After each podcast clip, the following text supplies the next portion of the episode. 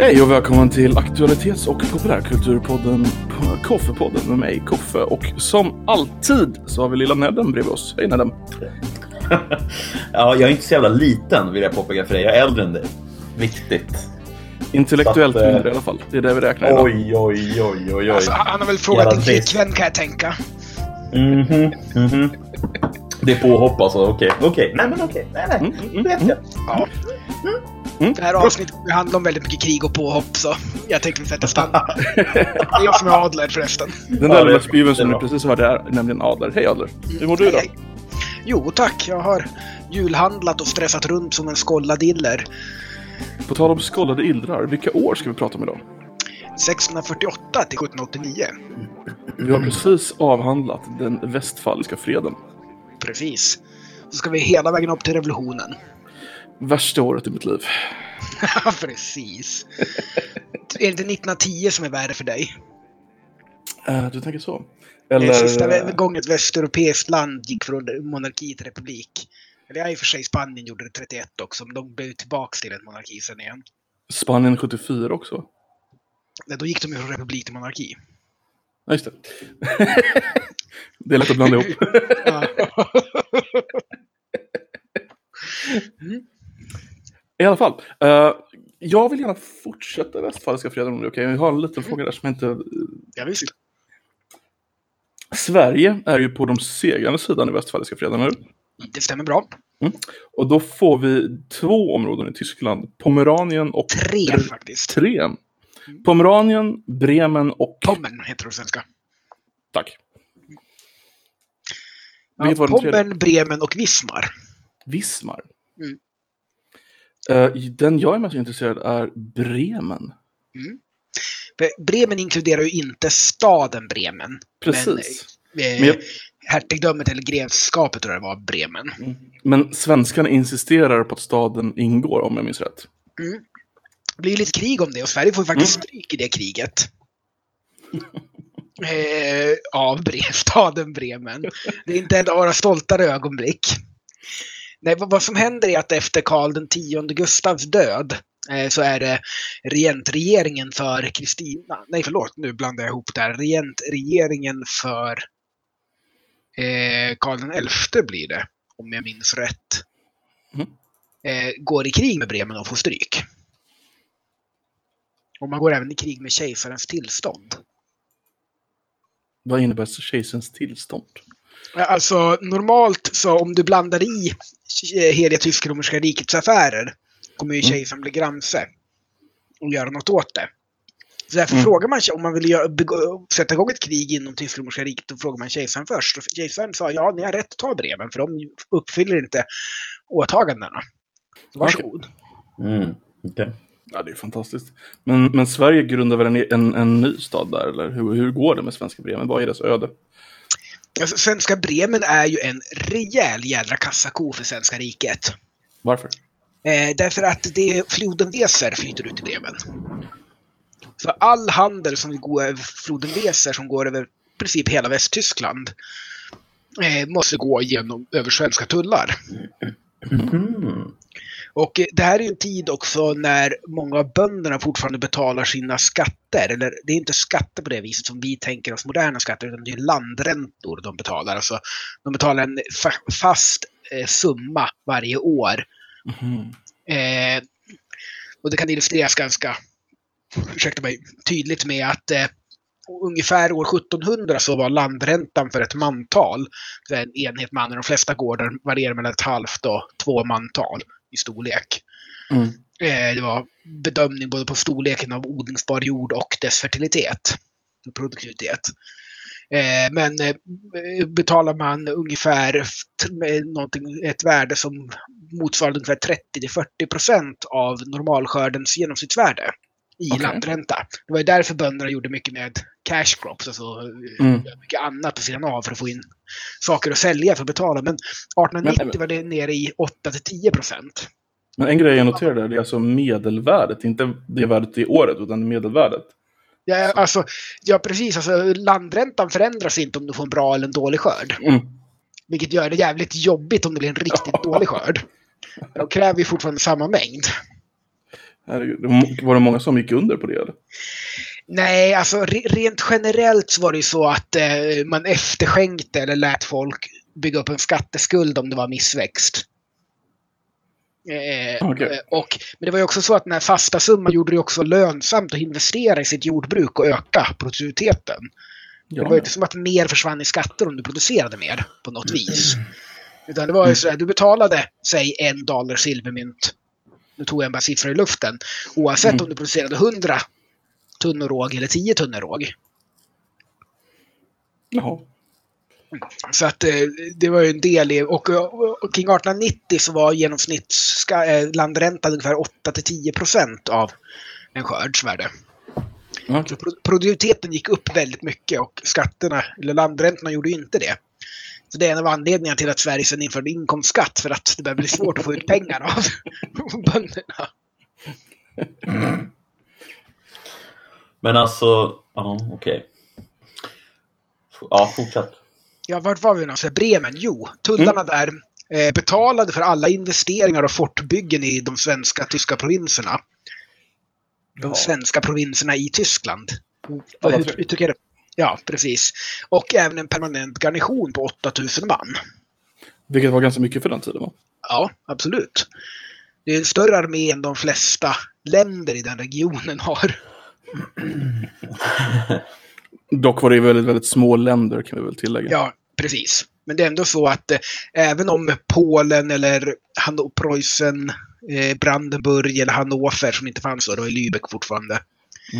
Eh, Hannover bildas början av 1700-talet. Bestämmer för att de vill ha de svenska tyska provinserna så finns trupper där nog att hålla det tills.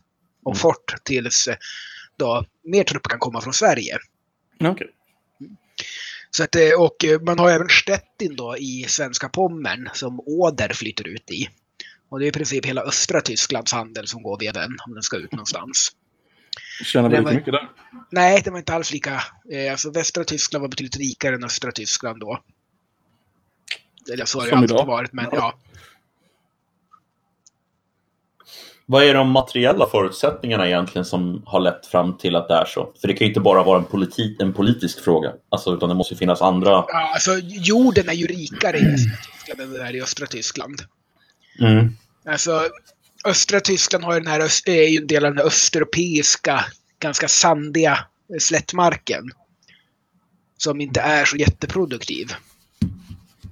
Okej. Funkar bra för potatis och råg sådär, men vete och andra mer produktiva grödor. Potatis fanns inte på 1700-talet Nej. i så stor utsträckning. eh, Var betydligt mer produktiva i Rendalen till exempel. Okej. Mm. Makes sense. Men hur länge, hur länge har vi kvar de här tre tyska städerna? Det, alltså, svenska Pommern, eller delar av det är ju kvar ända till 1814. Mm.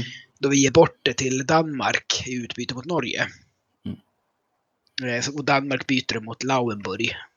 Som ligger i ja, gränsen mot Holstein. I alla fall så. eh, Men eh, Bremen förloras ju eh, 1721 i freden. Och Wismar pantsätts 1803. Men får jag fråga en sak? Skulle man...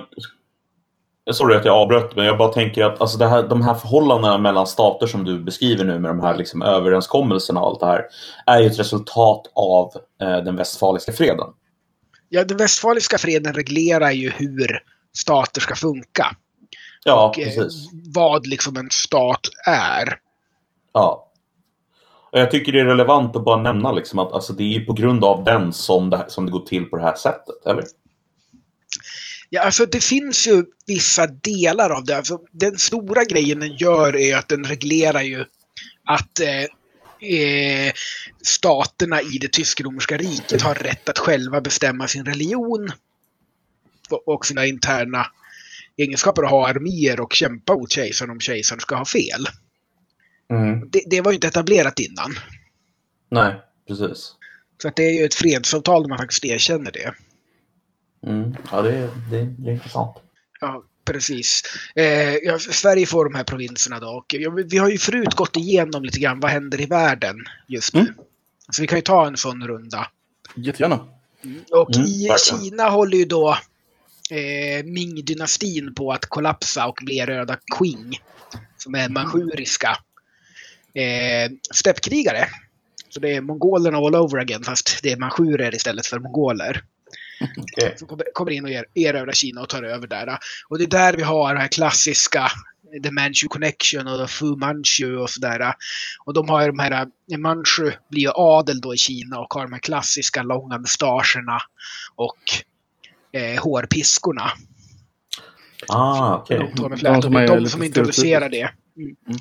Det som är stereotypiskt kinesiskt. Mm. För den här Qing-dynastin är den som kommer styra i Kina fram till det blir republik 1913. Och så plockar japanerna den sista kejsaren ett tag och sätter någon som kejsar av Manchuriet. Ironiskt nog.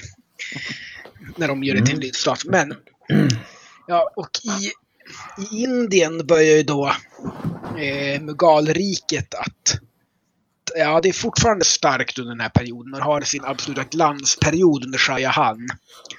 Eh, som bland annat då bygger Taj Mahal för sin Mhm. favoritälskarinna, eller favoritharmsdam, Mm. som mausoleum. Men även eh, bygger den legendariska påfågelstronen. De har levererat eh, 1130 kilo guld och 240 kilo juveler för att bygga den där. Heter den Påfågelstronen? Ja. Okej. Eh, och eh, perserna kommer och snor den 1739 när de tar Delhi. Eh, och sen dess är den sönderbruten och försvunnen. Delar av den finns i den persiska påfågelstronen. Och Koh-i-Noor, då den största diamanten i världen fram tills Afrikas stjärna hittades, satt i den. Den eh, tar ju britterna då sen 1839 när de er- erövrar Sind. Numera sitter den i de brittiska kronjuvelerna. Oj. För det är klart, Victoria ska ha något snyggt att ha på sig. Britterna har ju en tendens att ta det mesta här i världen. Ja, så... Kan du nå det från havet? Ja, då tar britterna det. Det är liksom ett axiom som har gällt sedan 1660-talet. Britterna alltså. Ja. Perfidious Albion. Men, eh, och som sagt, britterna är igång och koloniserar och eh, tar idag, så holländarna tar den svenska kolonin i eh, Nordamerika och sen tar ju britterna den holländska kolonin i Nordamerika. Mm. Britterna blir ju den dominerande makten i Nordamerika under den här perioden. Och kommer ju senare under den här perioden vi pratar om även att erövra franska Kanada. Vid den här tiden pratar man fortfarande om engelsmännen, inte britterna. Ja, precis. Alltså det är ju, eh, Wales och England är ju ett land. Mm. Eh, och de är ju personalunion med Skottland. Började den så tidigt? Ja, den började redan 1600... Eh, när var det Elisabeth dog och James tog över? 1608 Så, någonting? ja, Något sånt, ja. Början av 1600-talet. Sen dess var ju Skottland och England i personalunion. Mm. Så att Storbritannien uppstod inte som stat förrän man slår samman parlamenten 1707. Mm. Men man kan faktiskt prata, i och med att det är styrt Mm. av samma kung, kan man prata om britterna. Hyfsat ändå under den här perioden. Ja, det är en anakronism, du har helt rätt i det, men ja. Jag låter mig. Jag tillåter själv lite anakronismer ibland. Det är, det är bara... det är. Precis. Det, det, man måste göra det. Liksom, att ibland behöver man en whisky på fredagkväll, ibland behöver man lite anakronismer. Ja, exakt. Nej, men jag är helt med. Man Jag är får, helt får med. unna sig. Och, och lite antropomorfa djur ibland också, när det liksom kommer till kritan. Det kan vara kul också. Länder. Den ryska björnen. Ja, men exakt. Exakt. Vad skulle det heta? Nation, nationomorfa djur. Ja, precis. Amerikanska örnen och ja, exakt. bulldoggen. Det är rätt intressant. Nu ska vi inte snöa in på det, men det är rätt intressant att de har valt de här djuren som representativa på något sätt.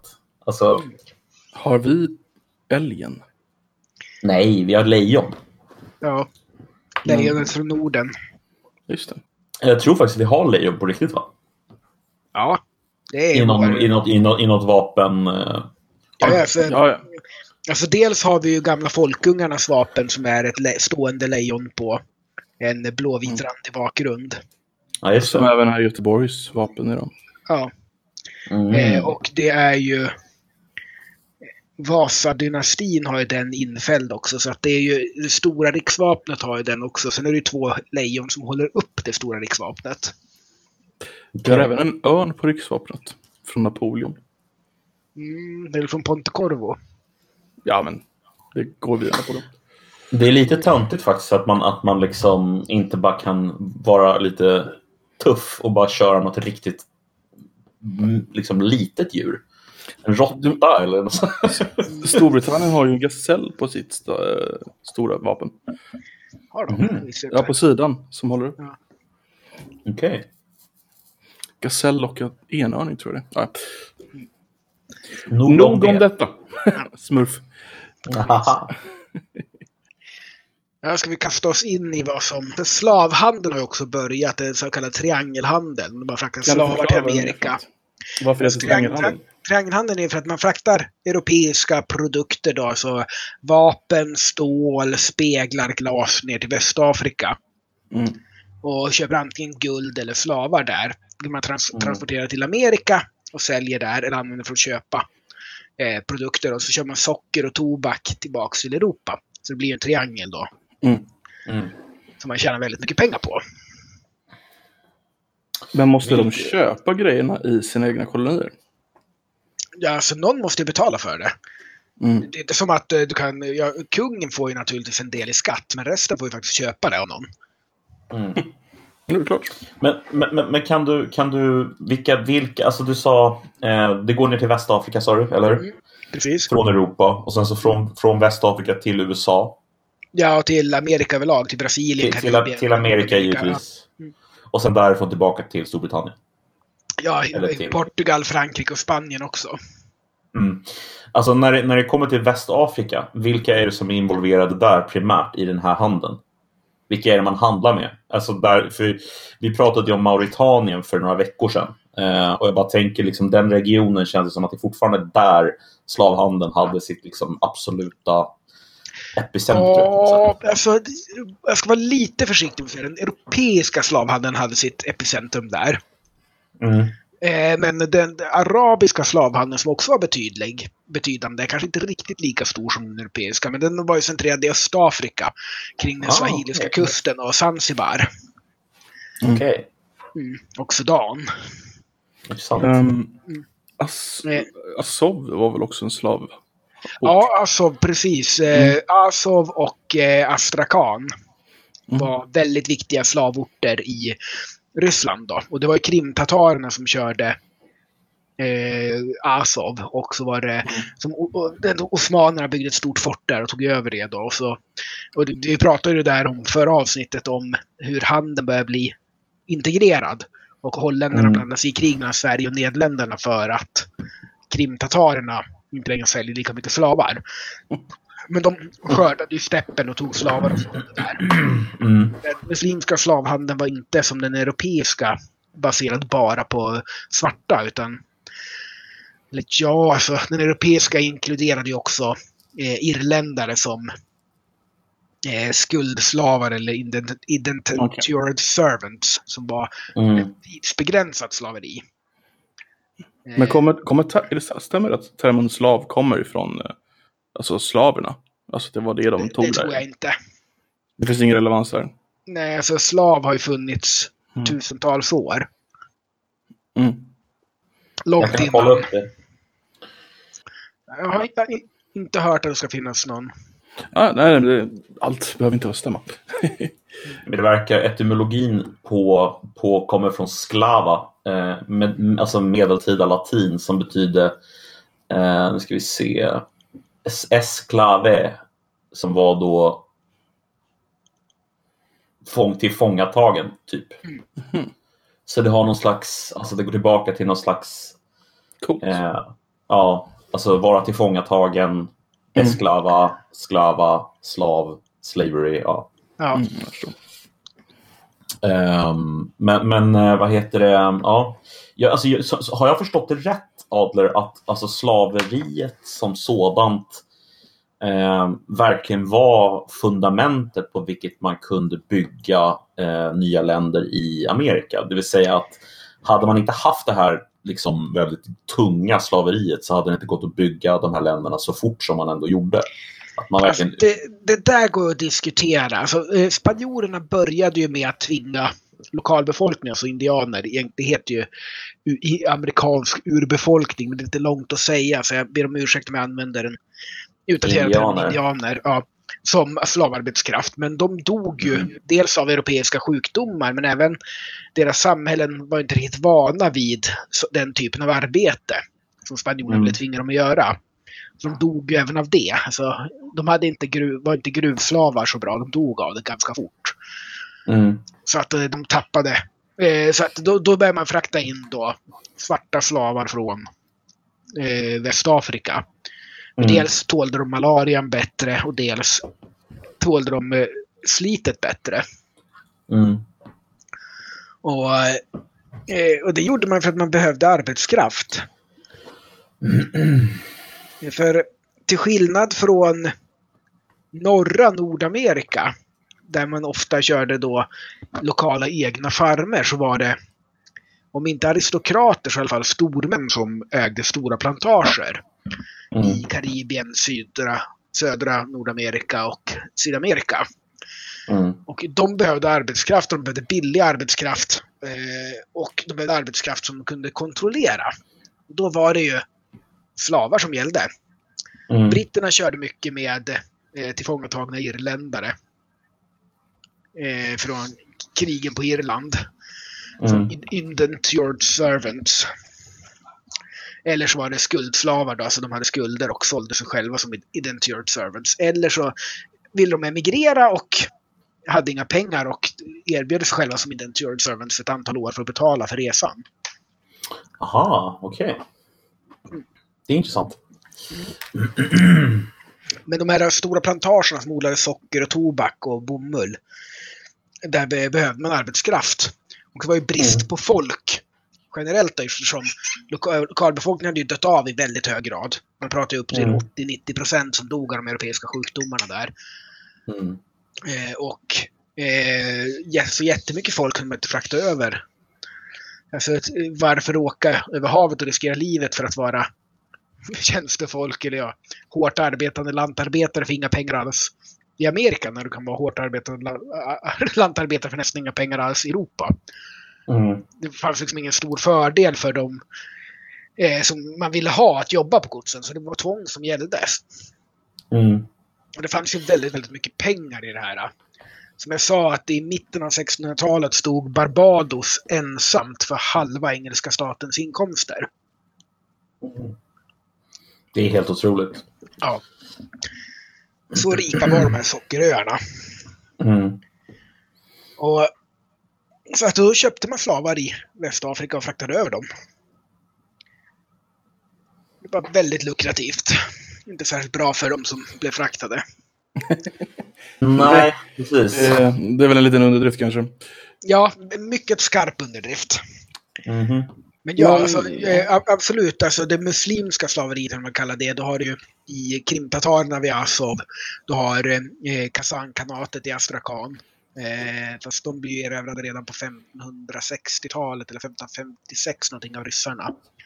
De stänger ner slavmarknaden där. Men det ska sägas att ryssarna är inte alls över att ta slavar själva.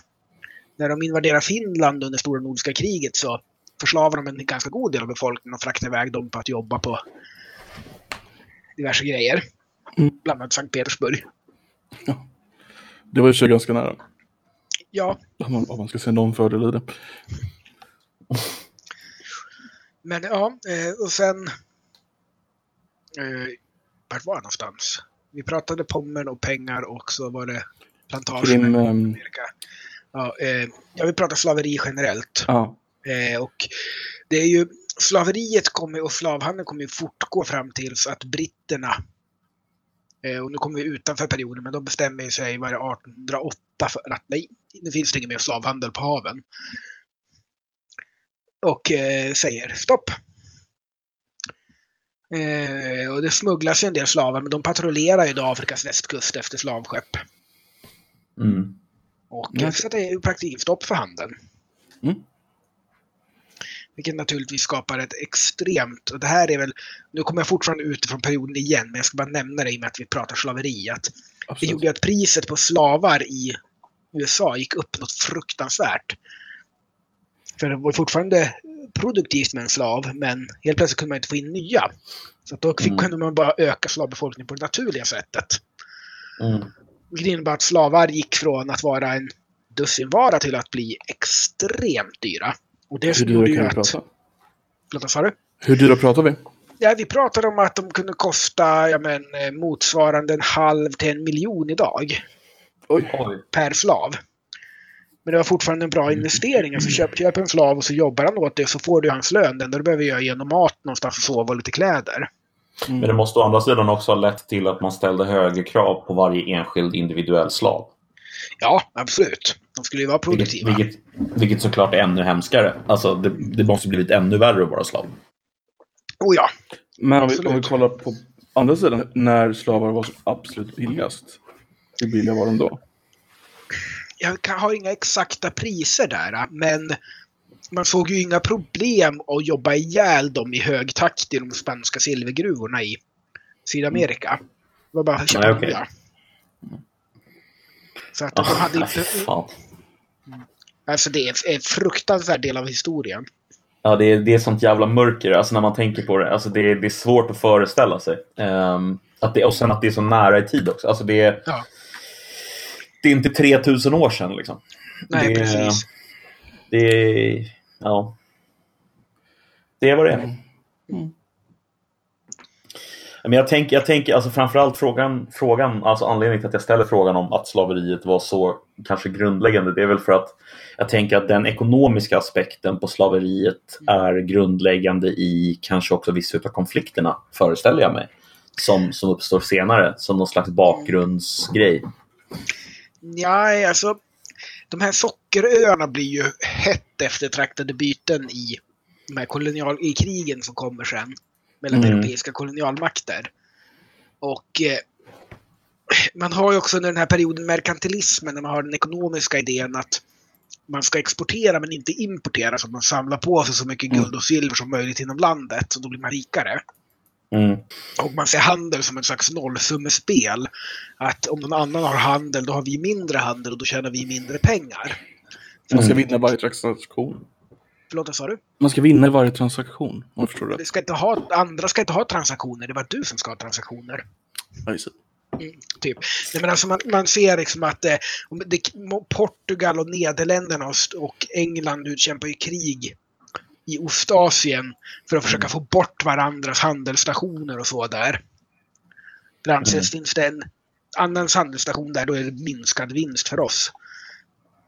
Så man för, en del av de här handelskompanierna som för egna små privata krig eller mutar indiska furstar att föra krig åt dem mot de andra kolonialmakterna.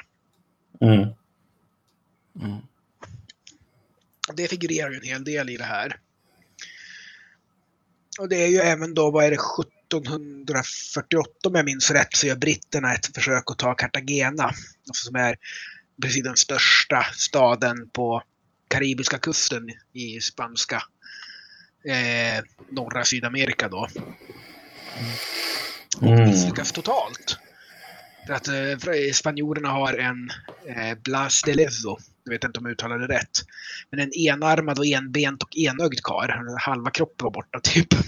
Oj. Oj. Eh, som, som försvarar det där då med tre skepp mot 30.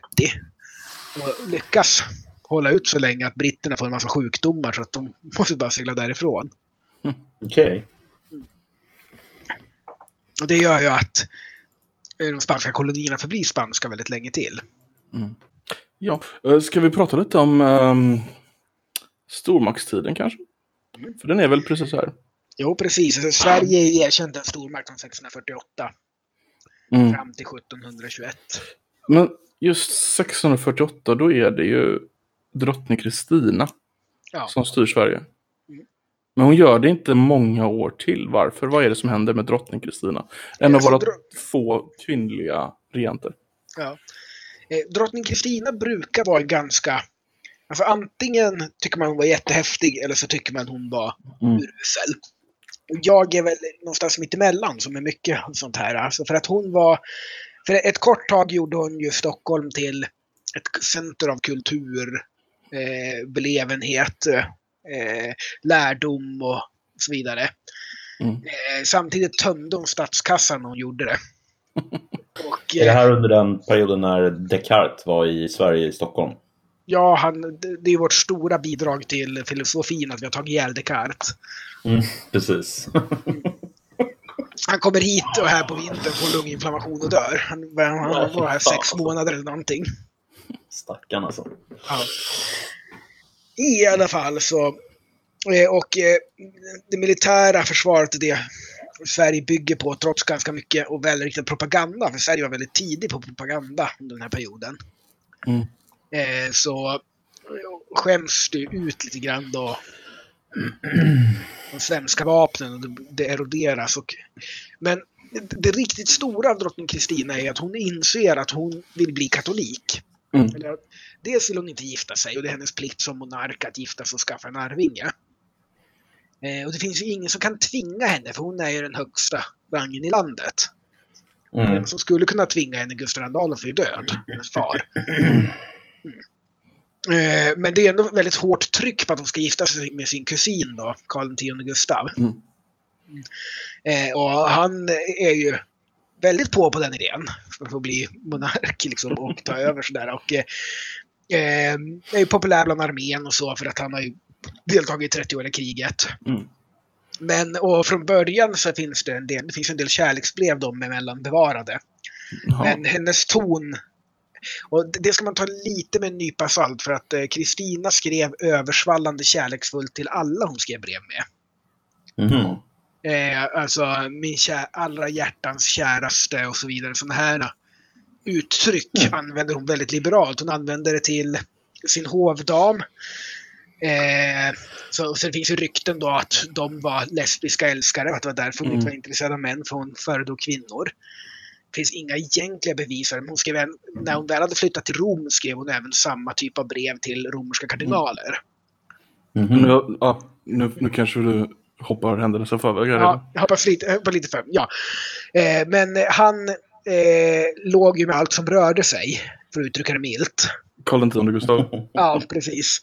Och väldigt mycket historier och en del veneriska sjukdomar och andra problem som fick hennes eh, intresse att svalna högst betänkligt.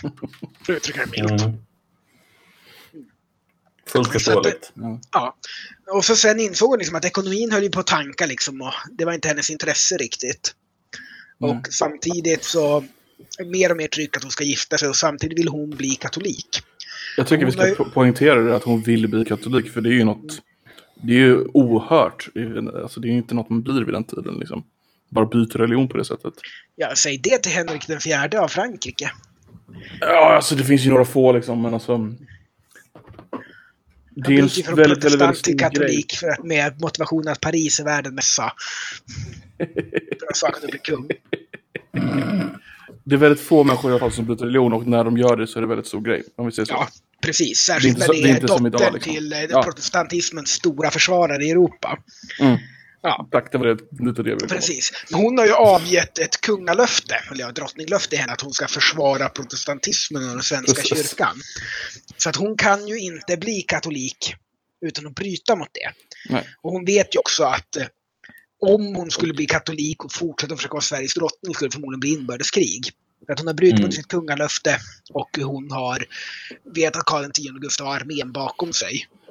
Mm. Så om hon försökte vara, göra det då skulle han förmodligen sätta igång en revolt och förmodligen också vinna. Det vet man inte Mm. säkert men för hon hade mycket eh, personer som stödde henne också i och med att hon hade gett bort så mycket så frikostigt så fanns det många som gärna ville ha kvar henne. Mm. Eh, Så, men så att hon gör det rakryggad i det här fallet och abdikerar. Mm. Mm. För att eh, hennes personliga övertygelse och hennes roll som svensk monark stämmer inte överens. Om hon ska försöka ändra Sverige så skulle det med största sannolikhet bli inbördeskrig. Och då gör hon det rakryggad och abdikerar. Och det är faktiskt tecknet på en stor människa tycker jag. Att jag kan inte göra båda de här grejerna. Och jag är beredd Mm. att avstå makten för att min personliga övertygelse skull. Mm. Och det är väl en av de delar som hon inser liksom att hon kan inte göra både och. Och ta konsekvenserna av det. Och det är väldigt många styrande monarker som inte har insett genom historien. Mm. Så även om man tycker illa om henne i övriga, liksom att hon har dåligt ekonomiskt sinne och slösar bort pengar och sådär, så får man ändå ge henne det. Mm. Eh, att hon, hon var smart nog att inse att det här går inte och ta konsekvenserna av det. Ja. Ja, hon, hon styrde väl landet i tio år innan hon abdikerade. Ja, Mm. Och sen så flyttade hon till Rom. blev katolik. Ja. Ja. Det finns en, Yes. eh, en eh, film med Greta Garbo om eh, Kristina, för de som är intresserade. finns en senare film också där de spelar hårt på, en engelsktalande film, spelar hårt på att det skulle vara ett lesbiskt förhållande där. Mm. Är, är det här någon slags eh, vuxenfilm har sett? Eh, Mm, Nej, eller ja, det, det är väl vuxna sexscener i den, men det är inte tänkt som en, Jag förstår. det är en porrfilm. eh, och eh, jag eh, kommenterade, var någon som ställde frågan till mig, liksom, hur historiskt korrekt är den här? Så jag tittade på en god del av det och eh, bland annat beskriver de hur Gustav II Adolf är jättebesviken över att han får en dotter. Och det var faktiskt inte fallet. Han tyckte jättemycket om Kristina. Mhm. Eh, Och bland annat eh, när de skulle bege sig till Tyskland 1630 så var hon fyra år gammal om jag minns rätt. Så, så gick han runt på kajen i Stockholm med henne på axlarna och visade upp skeppen de skulle åka med och sådär. Och, eh, så att eh, enligt all historiskt så tyckte han väldigt mycket om både sin drottning och henne. Mm. Och var inte alls besviken på att ha fått en dotter. Hon föddes ju också med segerhuva. Vad innebär det? Eh, där man har en del av eh, livmodershinnan eh, över ansiktet Mhm. när man föds. Så man måste plocka bort den och det kallas segerhuva. För att det var, ansågs som ett hjärtecken att föddes man som var man, hade man ödet att vinna stora segrar. Mhm. På tal om att vinna stora segrar. Ska vi gå in på hennes efterträdare? Karl X Gustav. Som mig veterligen bara sitter i sex år tror jag va? Mm. Något sånt där, och så dör han. Mm. I Göteborg för övrigt. Ja. Eh, Men han är ju ansvarig för en av Sveriges största militära segrar någonsin.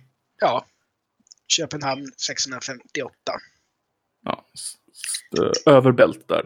Ja, marschen över bält. Precis. Men även för en av Sveriges värsta brott någonsin och den polska invasionen. Låt oss gå in i båda. Precis. Det kallas ju fortfarande syndafloden. Nu, ska man säga att det var inte bara Sverige som var ansvarig för det. Eh, Ryssland invaderade ju även Polen, Litauen österifrån. och eh, härjade riktigt ordentligt i de östra delarna. Som vanligt när det- Polen invaderas så kommer det Ryssland också. Ja, precis. Det är liksom sådär. Jag tror faktiskt Ryssland var där först och vi kom efteråt den här gången. Ah, fint. Men vad var det som hände där? Vad hände? Ja, eh, eh, Ryssland invaderade ju och eh, Karl X ville ju ge sig in och slåss någonstans och Polen var ett bra alternativ. Man hade ju bland annat skälet att eh, Ryssland invaderade vad? eh, Litauen, alltså östra Mm. delen av Polen och Litauen, de sköt ju sönder storhertigens borg i Vilnius bland annat. Därför det var ruiner, Mm. för att de sköt sönder den. Med nymodiga kanoner.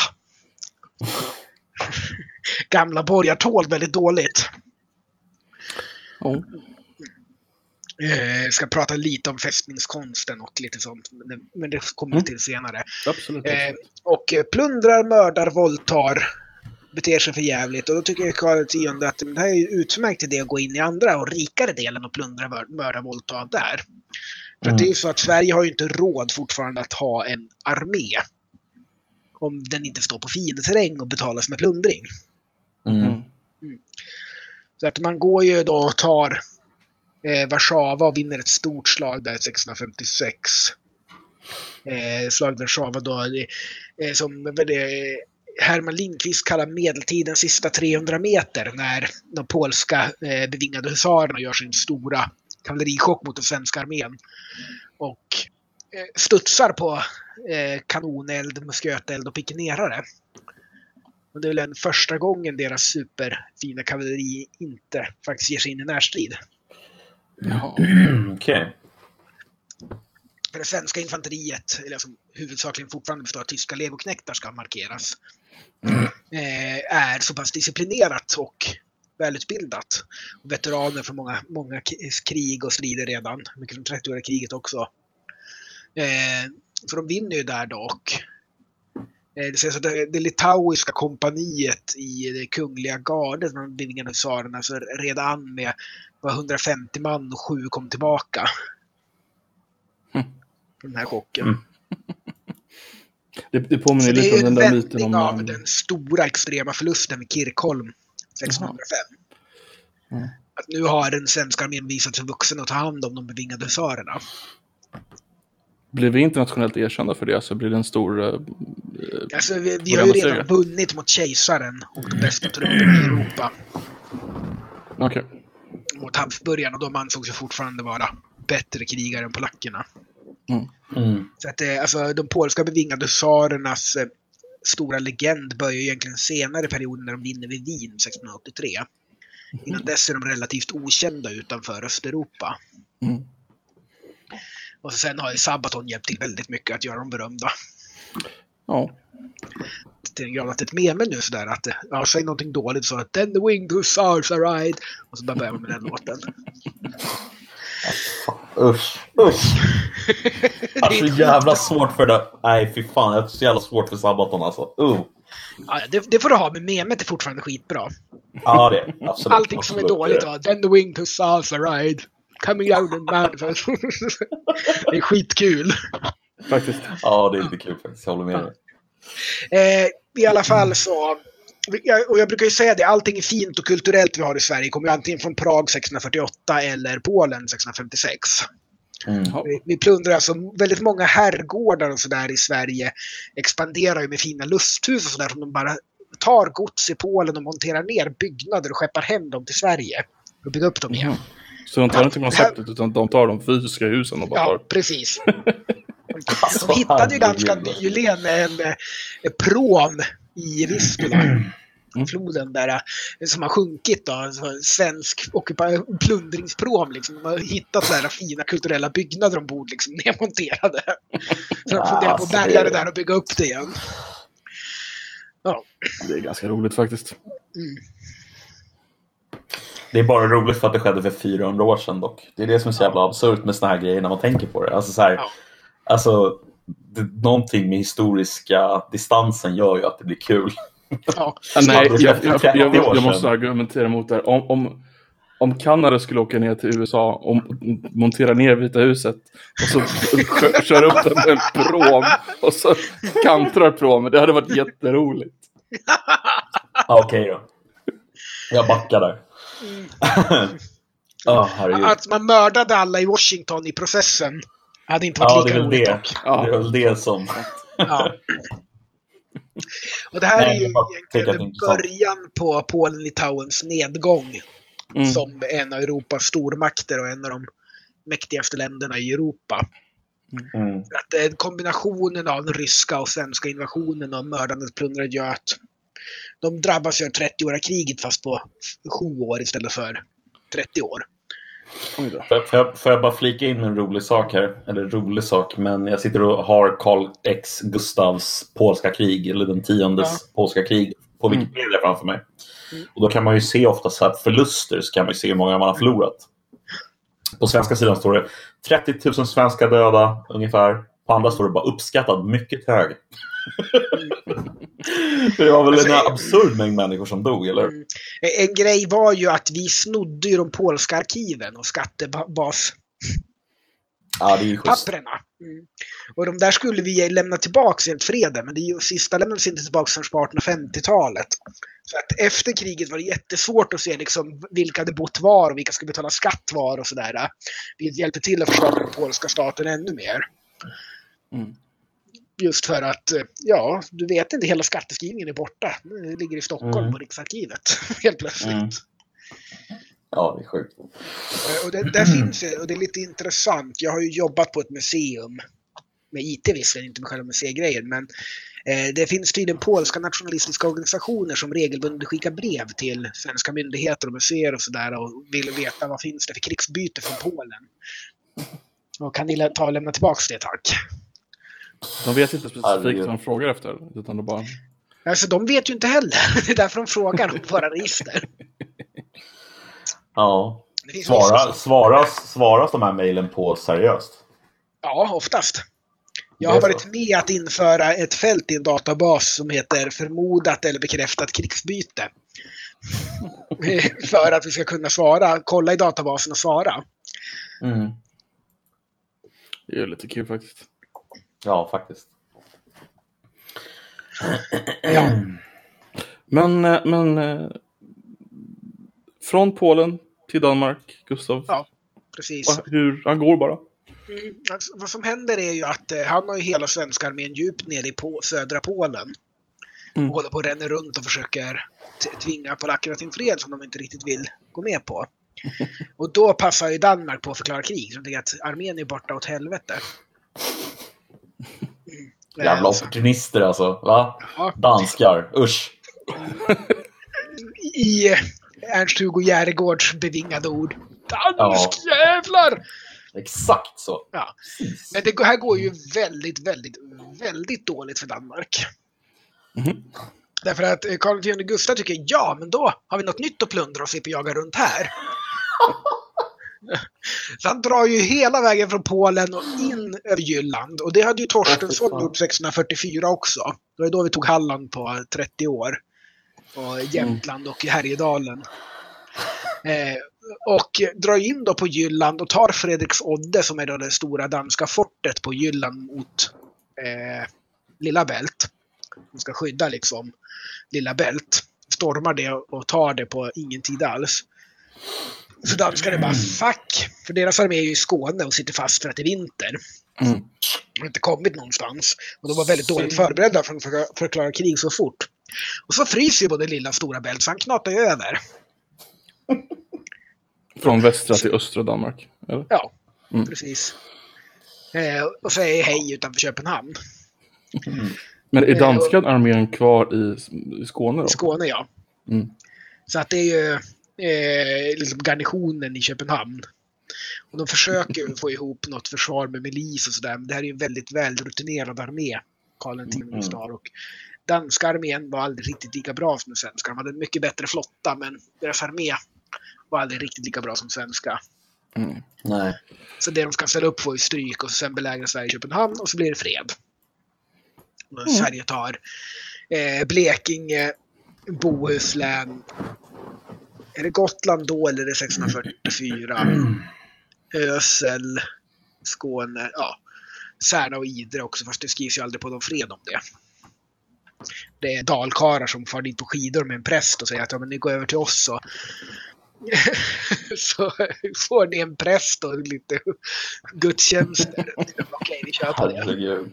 Alltså, det, alltså, historia är ibland så jävla sjukt. Ja. ja. Och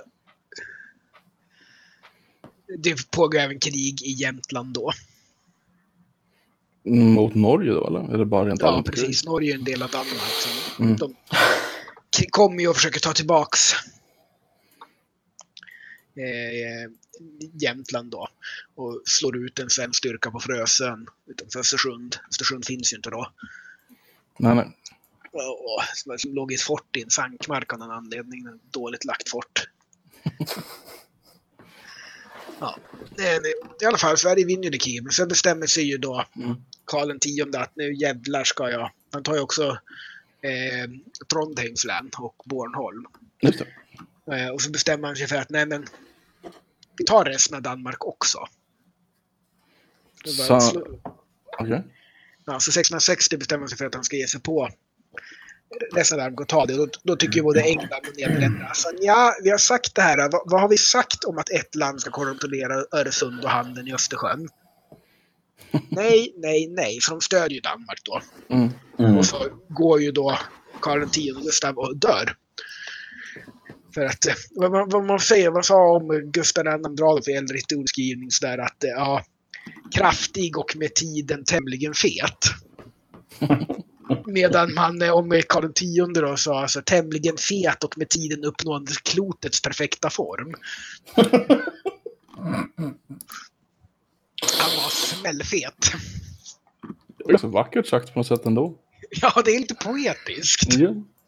Ja, alltså när man kollar på bilder av honom. Ja. Alltså den här bilden specifikt. Uh, kan kanske lägga en länk till den sen i um, ja, i själva, uh, ni fattar vad jag är ute efter.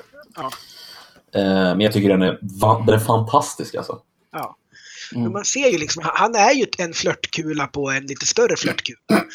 ja, exakt så. Flörtkula? Vad fan är hatten han har på sig för någonting alltså? Kan du förklara det? En krona. Ja, men en krona, vad är det för jävla krona? Det är den galnaste kronan jag har sett på en svensk monark alltså. Ja, jo, men det där är en klassisk pälsmössa med, eh, eh, vad heter det, eh, vad heter djuret som gömmer huvudet i sanden igen? På svenska, ostrich på engelska. Mm. Eh, struts. struts. Strutsfjädrar som dekoration. Ja, exakt. Så det är bara, och så är det en krona runt och silkestyg i kronans spetsar. Det är en väldigt dyr. Ja, precis. Ja, jo, men det ser man ju på den. Eh, vi ska inte diskutera den här bilden för länge för de som inte orkar titta på bilden via, via länk. Men, men är, om ni inte tittar på den så missar ni någonting fantastiskt i alla fall. Ja. Kan vi konstatera. Precis. Ja, men han var en väldigt skicklig fältherre. Och, Fabulous. Eh, mm. Mm. Men hela 1600-talets mode är Fabius från A till B och Ö hela vägen. Ja. Liksom. Det är högklackade stövlar och eh, stövlar med spetskrage och siden och eh, strutsfjädrar och hela jävla faderullan. Ja. ja, det är coolt. Det är coolt. Mm. Ja, men han, han går och dör då. Då får vi ju en eh, förmyndarregering för Karl XI. Ja, just det. Den lilla spjuven. Den lilla spjuven, precis. Eh, som är då en Eh, har ju lite problem med benen här för mig efter någon olycka. Han är dyslektisk, har svårt att läsa och skriva. Han mm. är klen, kort och klen och anses ju allmänt och lätt dominerad och de plundrar och har så det är väldigt mycket korruption under den här tiden. Så när han väl mm. blir monark då och genast hamnar i skånska kriget mot Danmark och konstatera att allting går käpprätt åt helvete för allting har sjunkit ner i korruption och jävelskap. Och inkompetens mm. och politiska utnämningar och sådär. Mm. Så han blir ju skitförbannad och visar sig vara den bland mest energiska kungar vi någonsin har haft. Och går ju då och mm. tar, reducerar adelns jordinnehav. Ja, det är väl det han är känd för, sina reduktioner. Ja, precis. Mm. Men även känd för indelningsverket när han skapar en faktiskt svensk. Det är väl egentligen västvärldens första riktiga nationella armé. Vill jag påstå. Mm. Som inte är en milis eller en kunglig stående armé. Precis. Därför det är, och det kom ju till då genom att man skapar indelningsverket där bönder delas in i rotar då, eller flera bönder i ett rusthåll och tillhandahåller en soldat eller en kavallerist då. Eh, och ska välja ut en bra människa från sina egna led och därmed vara skyddade. Då får de betala honom istället för skatter och eh, skyddade från utskrivningar då av alltså, praktiken värnplikt. Eh, så det är en ganska bra deal för dem.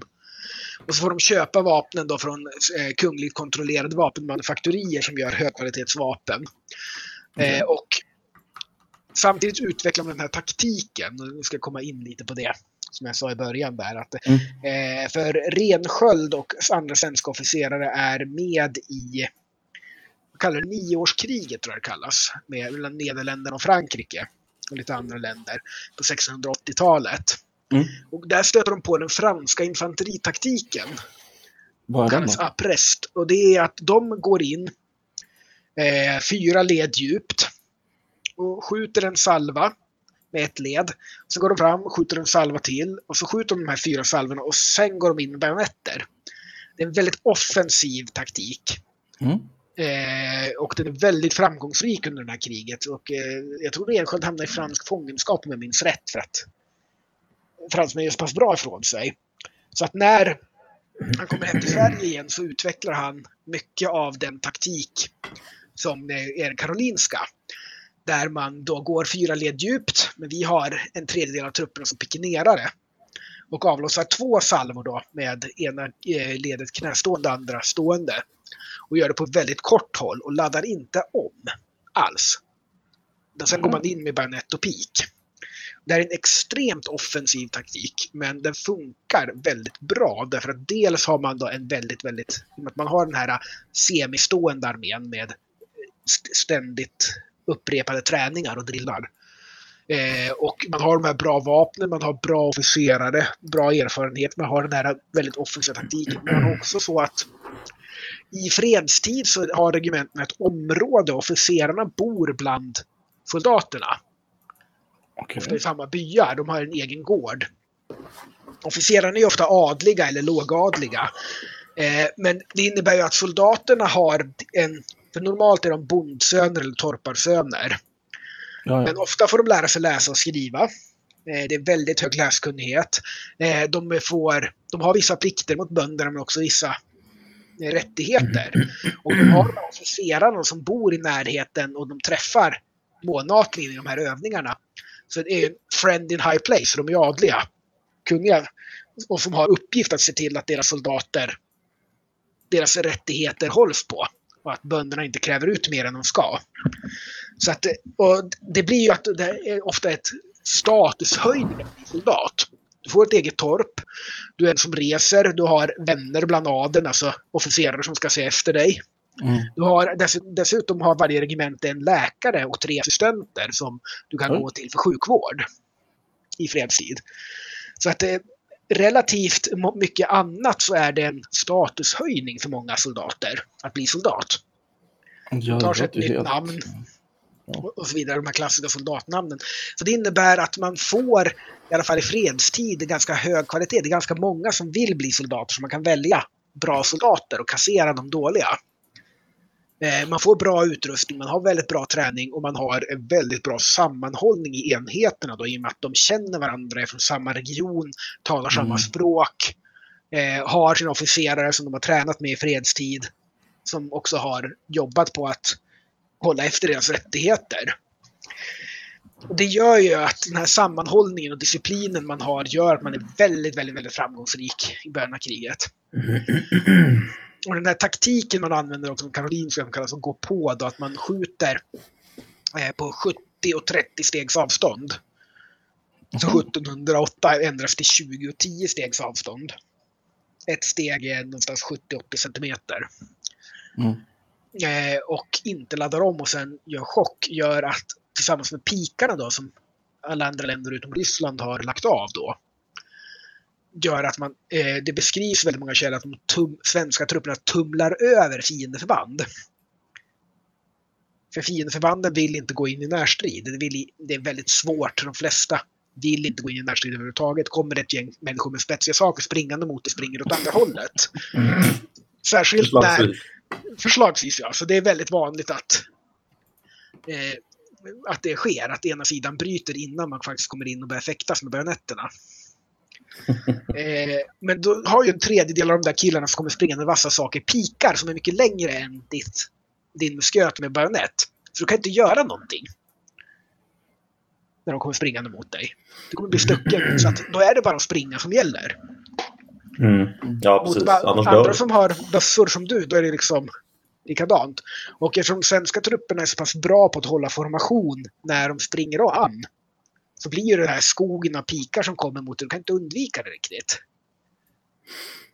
Nej. Och det gör att de blir övertumlade sedan. Så de flyr och så blir de nedhuggna bakifrån. Okej. Okay. Hm. Ja, jag förstår. Så med andra ord, de blir tumlade av den svenska stålet. Skulle man kunna säga. Ja, precis. Svenska torktumlaren kommer på slagfältet och bara... Blum, blum, blum. Exakt. Nej.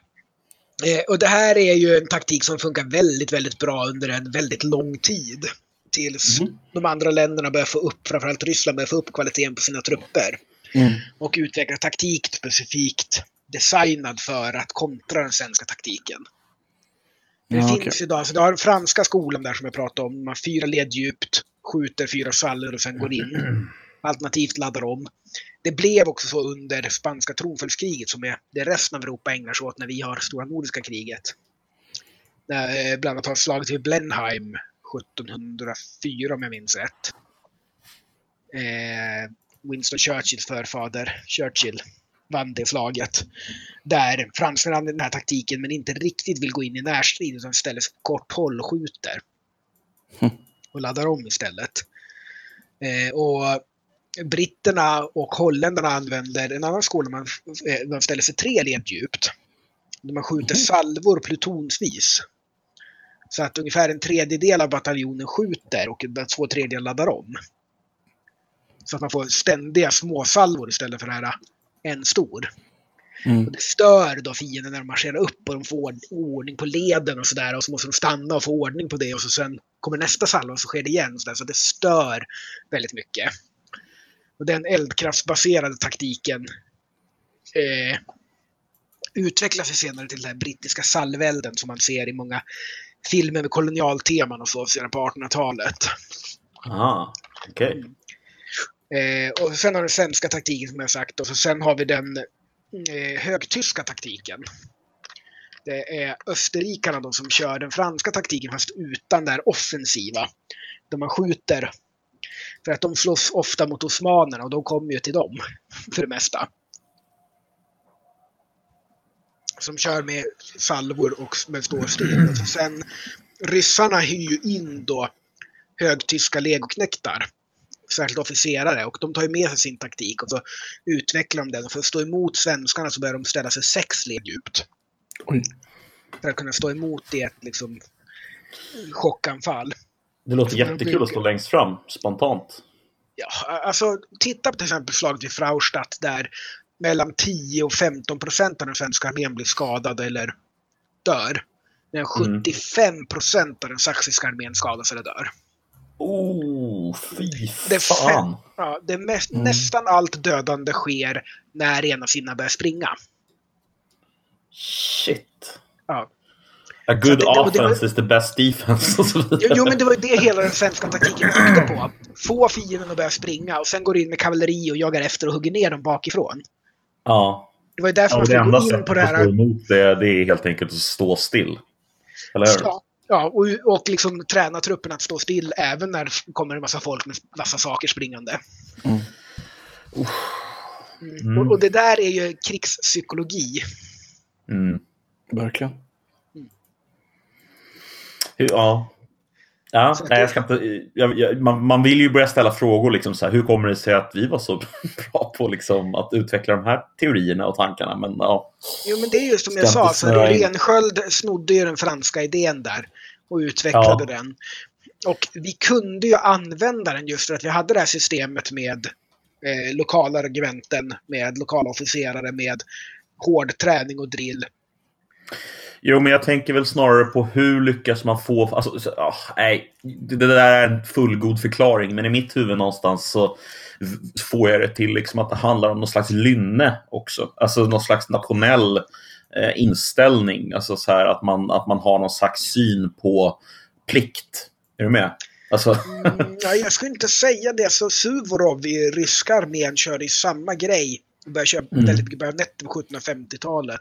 Fram till 1780-talet och var väldigt framgångsrik med det också. Jag fattar. Jag fattar. det handlar väldigt mycket, vet, det, det finns ju en del Eh, till exempel Grossman har skrivit en bok On Killing. Det handlar om mm. psykologin att ha ihjäl andra människor i krig.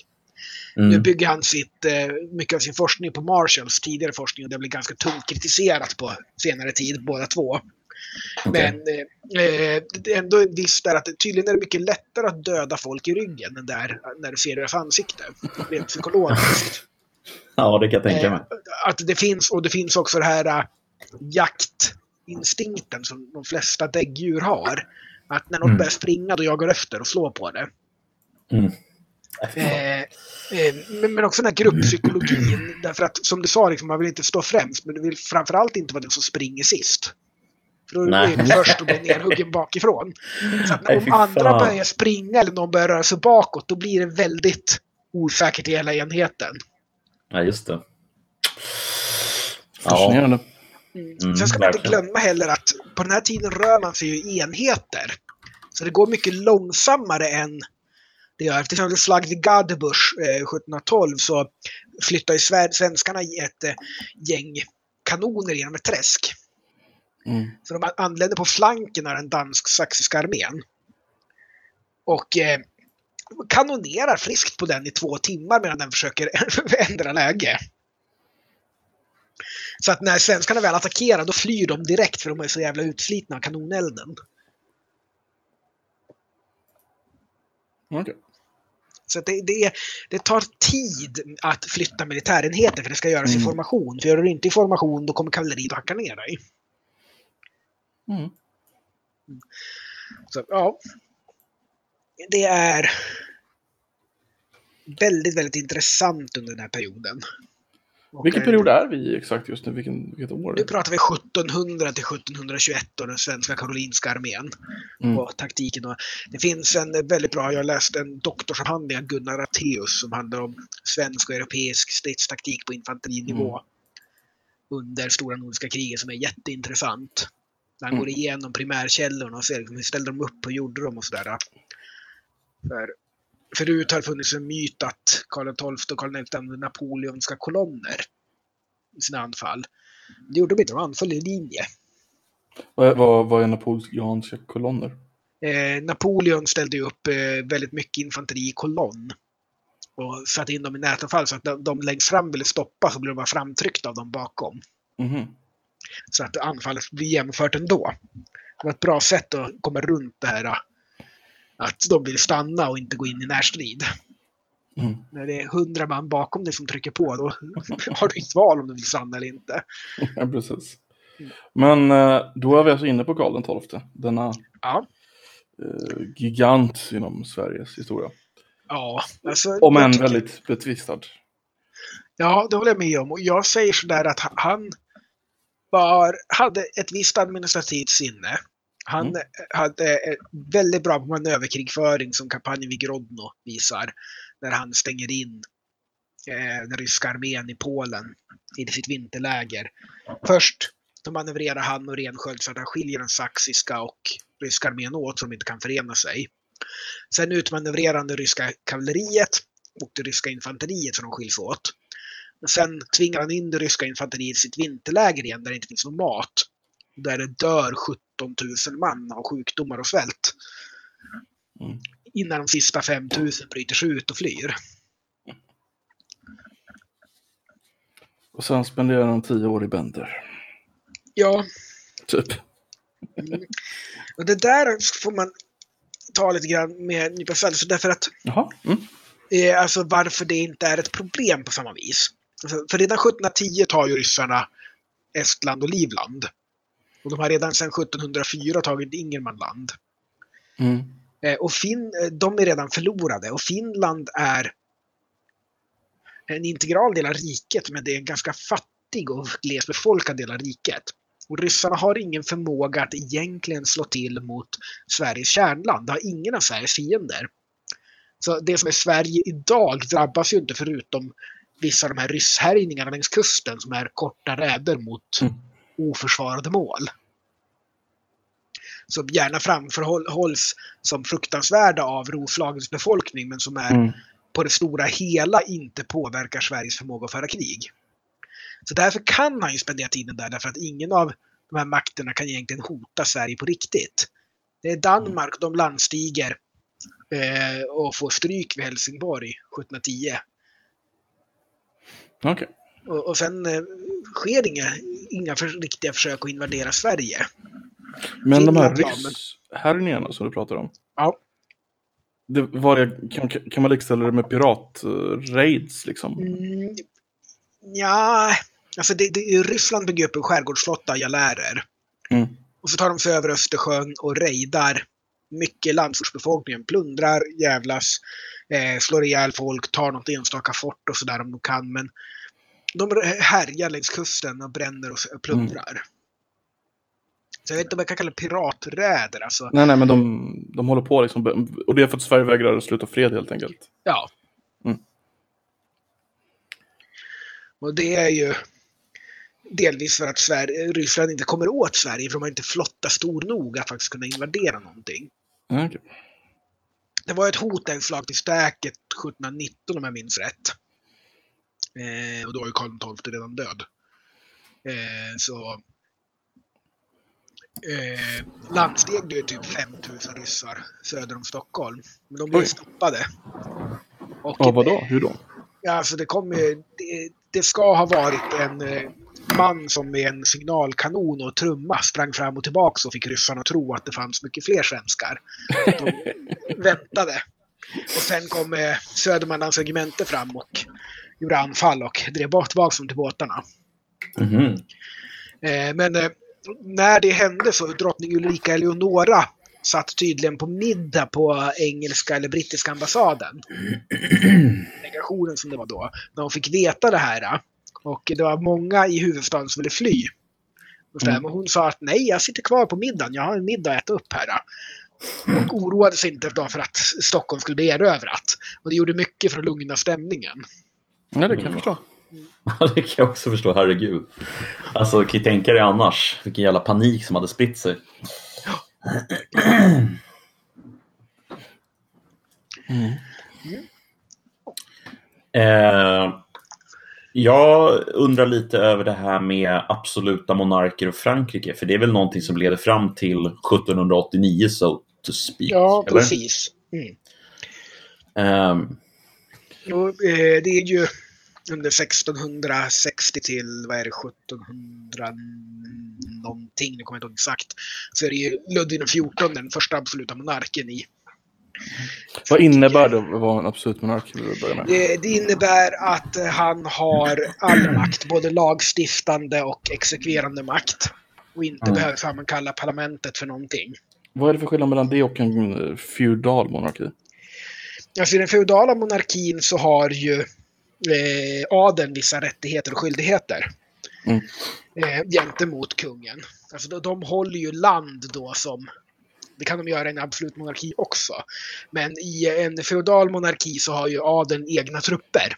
Det har de inte mm. i en eh, absolut monarki. De har inte rätt att ställa upp egna arméer. Okej. Okay. Annat än eh, bara eskort. Vad sa du? Eh, annat än bara en eskort när de ska färdas någonstans. Ah, Okej, okay. jag förstår. Jag förstår. Mm. så att, eh, i, en feodal monarki så är det ju adeln har ju land och ska mm. istället för att betala skatter ställa upp trupper när kungen kallar. Mm. Något, något sånt mm. finns ju inte i den absoluta monarkin. Okay. Det, det, franska kungarna gör som är ganska genialiskt är ju att de eh, alltså, kastrerar ju adelns makt väldigt mycket. Mm. Eh, bland annat Eh, bland annat med Versailles då. Att de lägger hovet där och att alla måste vara där för att vara nära kungen. Mm. Det gör att de inte... Ja, precis. Då, då, är de ingenstans där de kan göra något annat. Mm. Eh, det finns mycket intriger och sådär, men det är kring kungamakten, inte kring adelns egen makt. Mm. Eh, och så skapas det också väldigt många prestigepositioner, bland annat här att du får vara med och se kungen bli påklädd på morgonen. Och, eller du får vara med när de kungliga arvingarna ska avlas. Mm ja, det är en grej. Notera det där. Mm. när de ska avlas. Precis, mm. alltså det är... Eh, eller när äk, kungliga äktenskap ska eh, fullbordas, som det heter på svenska. Be mm. consummated, alltså. Då har du alltså en roll som någon slags... Du ska, du ska se på och liksom erkänna sen att Nej, men det här hände, jag var där. Ja, precis. Och det är också en stor ja. ära att du får vara så nära kungen. Ja. Exakt. Och så finns det, skapas det många så här hovfunktionsroller då som de kan bråka om istället för att bråka med kungen. Mm. Jag läste en väldigt intressant bok på temat eh, alltså hur man behåller makt. Det låter väldigt, väldigt specifikt, men den heter The Dictators Handbook. Mm. Eh, och de tar upp precis just eh, Ludvig och Versailles eh, och hur han liksom skapade klick klickar i ja. de här olika adelsklickar så att säga. Som han Precis. gav liksom, den ena klicken under en viss period gav väldigt mycket uppmärksamhet. Ja. Sen drog han tillbaka den uppmärksamheten och så gav han en annan klick samma uppmärksamhet. Väldigt mycket söndra och härska mellan sina Precis. adelsklickar. Precis. Eh, för att säkerställa någon slags eh, osäkerhet som jag förstår det. Ja, precis. Och då kämpar de mot varandra istället för mot honom. Mm. Exakt. Smart. Ja, funkar ju tills det inte funkar. Mm. Ja, men precis. Eh, Ja, vi kommer ju dit strax. Mm. Men har någon, skulle du säga så här att den franska absoluta monarken i Europa eh, är den typen av monark, eller alltså så här, är den kunglighet som har konsoliderat mest makt under sig? Eh, eller är det någon annan som är i samma det där beror ju väldigt mycket på, alltså, man ska inte glömma att under den här perioden blir också Frankrike hegemon i Europa. Alltså, Det är mm. den starkaste militärmakten, det är den största kulturen. Det är liksom, det allting är ju franskt mode. Franska mm. språket mm. blir modersmål i nästan all europeisk adel. Man lär dem franska innan man lär dem något annat språk. Mm. Vilket man fortfarande kan se spår av i överklassdialekt i Sverige. De har den här lite nasala mm. brytningen och så kan de inte säga riktigt äh. Mm, just det. Du, du, du, hör på den här uh, överklass-svenskan att... Ja, typ Ian Wachtmeister. Ja, precis. Den har ett ursprung i att de har lärt sig prata franska innan de lär sig prata svenska. Just det. det är svenska med en fransk brytning i princip. Mm, intressant. Mm. Eh, och det är väldigt mycket av Europa. Det, du kan ju säga till exempel Preussen, när Fredrik den store instiftar den finaste militärorden de har, heter den Paul Merit. Så för mm. meriter. Fast på mm. franska förstås då. Mm, precis. Mm. Och den fortsätter att vara den högsta medaljen i Tyskland fram till efter första världskriget. Mm, det är rätt otroligt. Mm. Eh, när det inte längre var populärt att ha medaljer som hade franska namn. Nej, det kan man ju förstå. Nej, men, men eh, hur leder det här liksom vidare till, alltså du, du har Solkungen, Louis. Mm, precis. Eh, eh, och han, han dör någonstans 1600, nej vänta, dör han ännu senare? Är inte 1714 någonting? Vänta, nu måste jag kolla. Han, han regerade längst vet jag av typ alla kungar någonsin, eller hur? Ja, 1715, jag var i närheten. Visst regerade han typ i 70 år eller någonting? Så helt absurt. Mm. Mm. Um... Men det var ju för han är ju född, han var ju bara fem år när han började regera så att... Han regerade alltså 72 år och 110 dagar. Jag är staten var med andra ja. ord inget, det var inget eh, påhitt, det var ganska sant. Nej, precis. I am the state. Eller hur han nu sa det Hej, ja det. jo då, tja, det är jag. Um, yes. Ditt avbrytare i ditt uh, orerande. Ja, ja, precis. Alltså, eh, han gjorde det och vi känner ju till det för att Frankrike är liksom landet nummer ett i Europa och förmodligen världen vid den här tiden. Mm. Eh, mm. Eh, ja, källan till all lyx och allt fint och allt kulturellt och bra.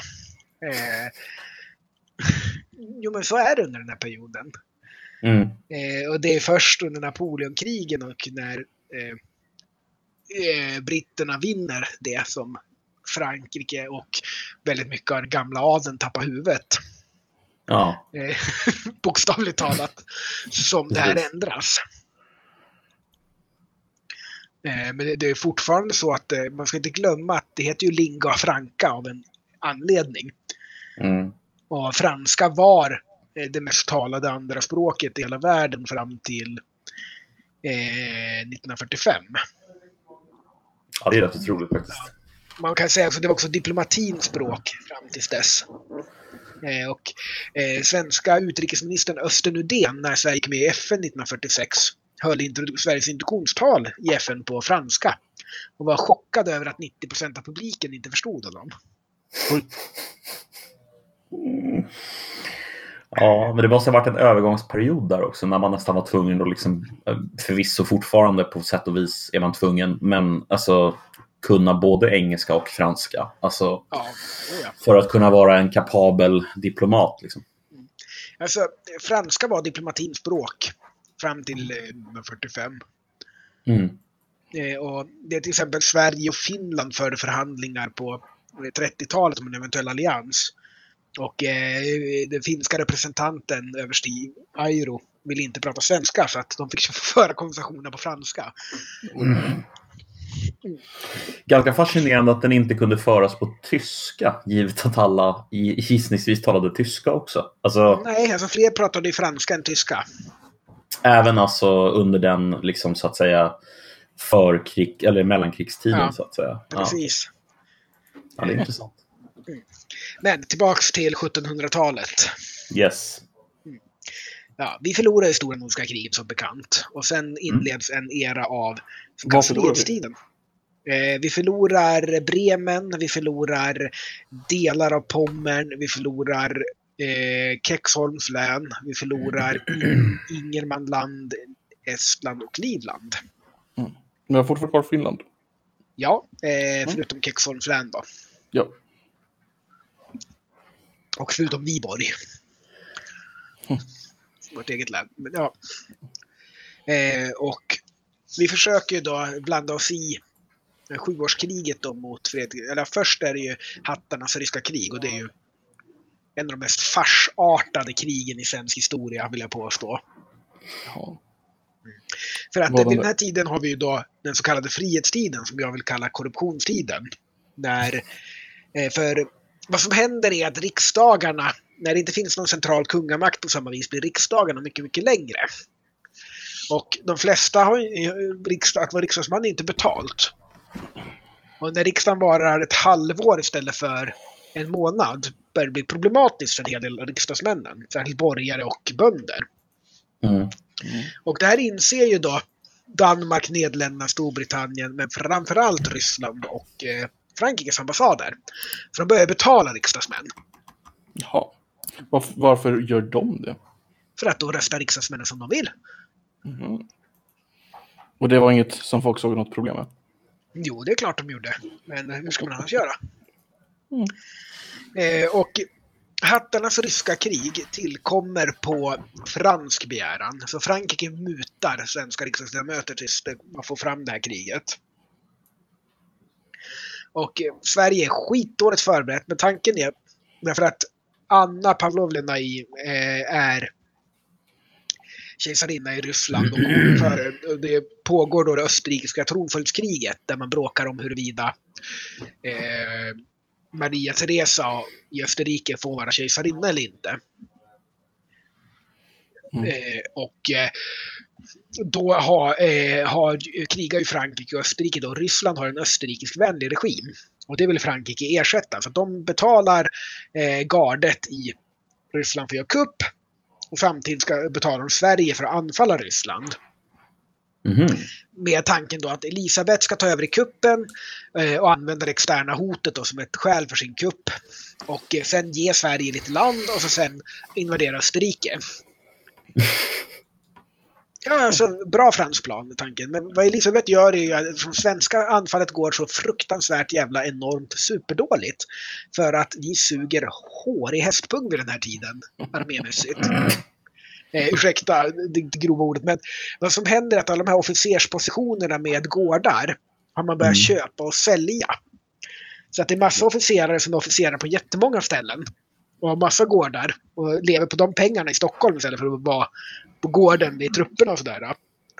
Så att, eh, och utrustningen och sådär, det är ingen som inspekterar det riktigt längre så att in, trupperna har ingen ammunition och inga kläder och har inte tränat för att det är ingen som kollar det och officerarna har aldrig sett dem förut.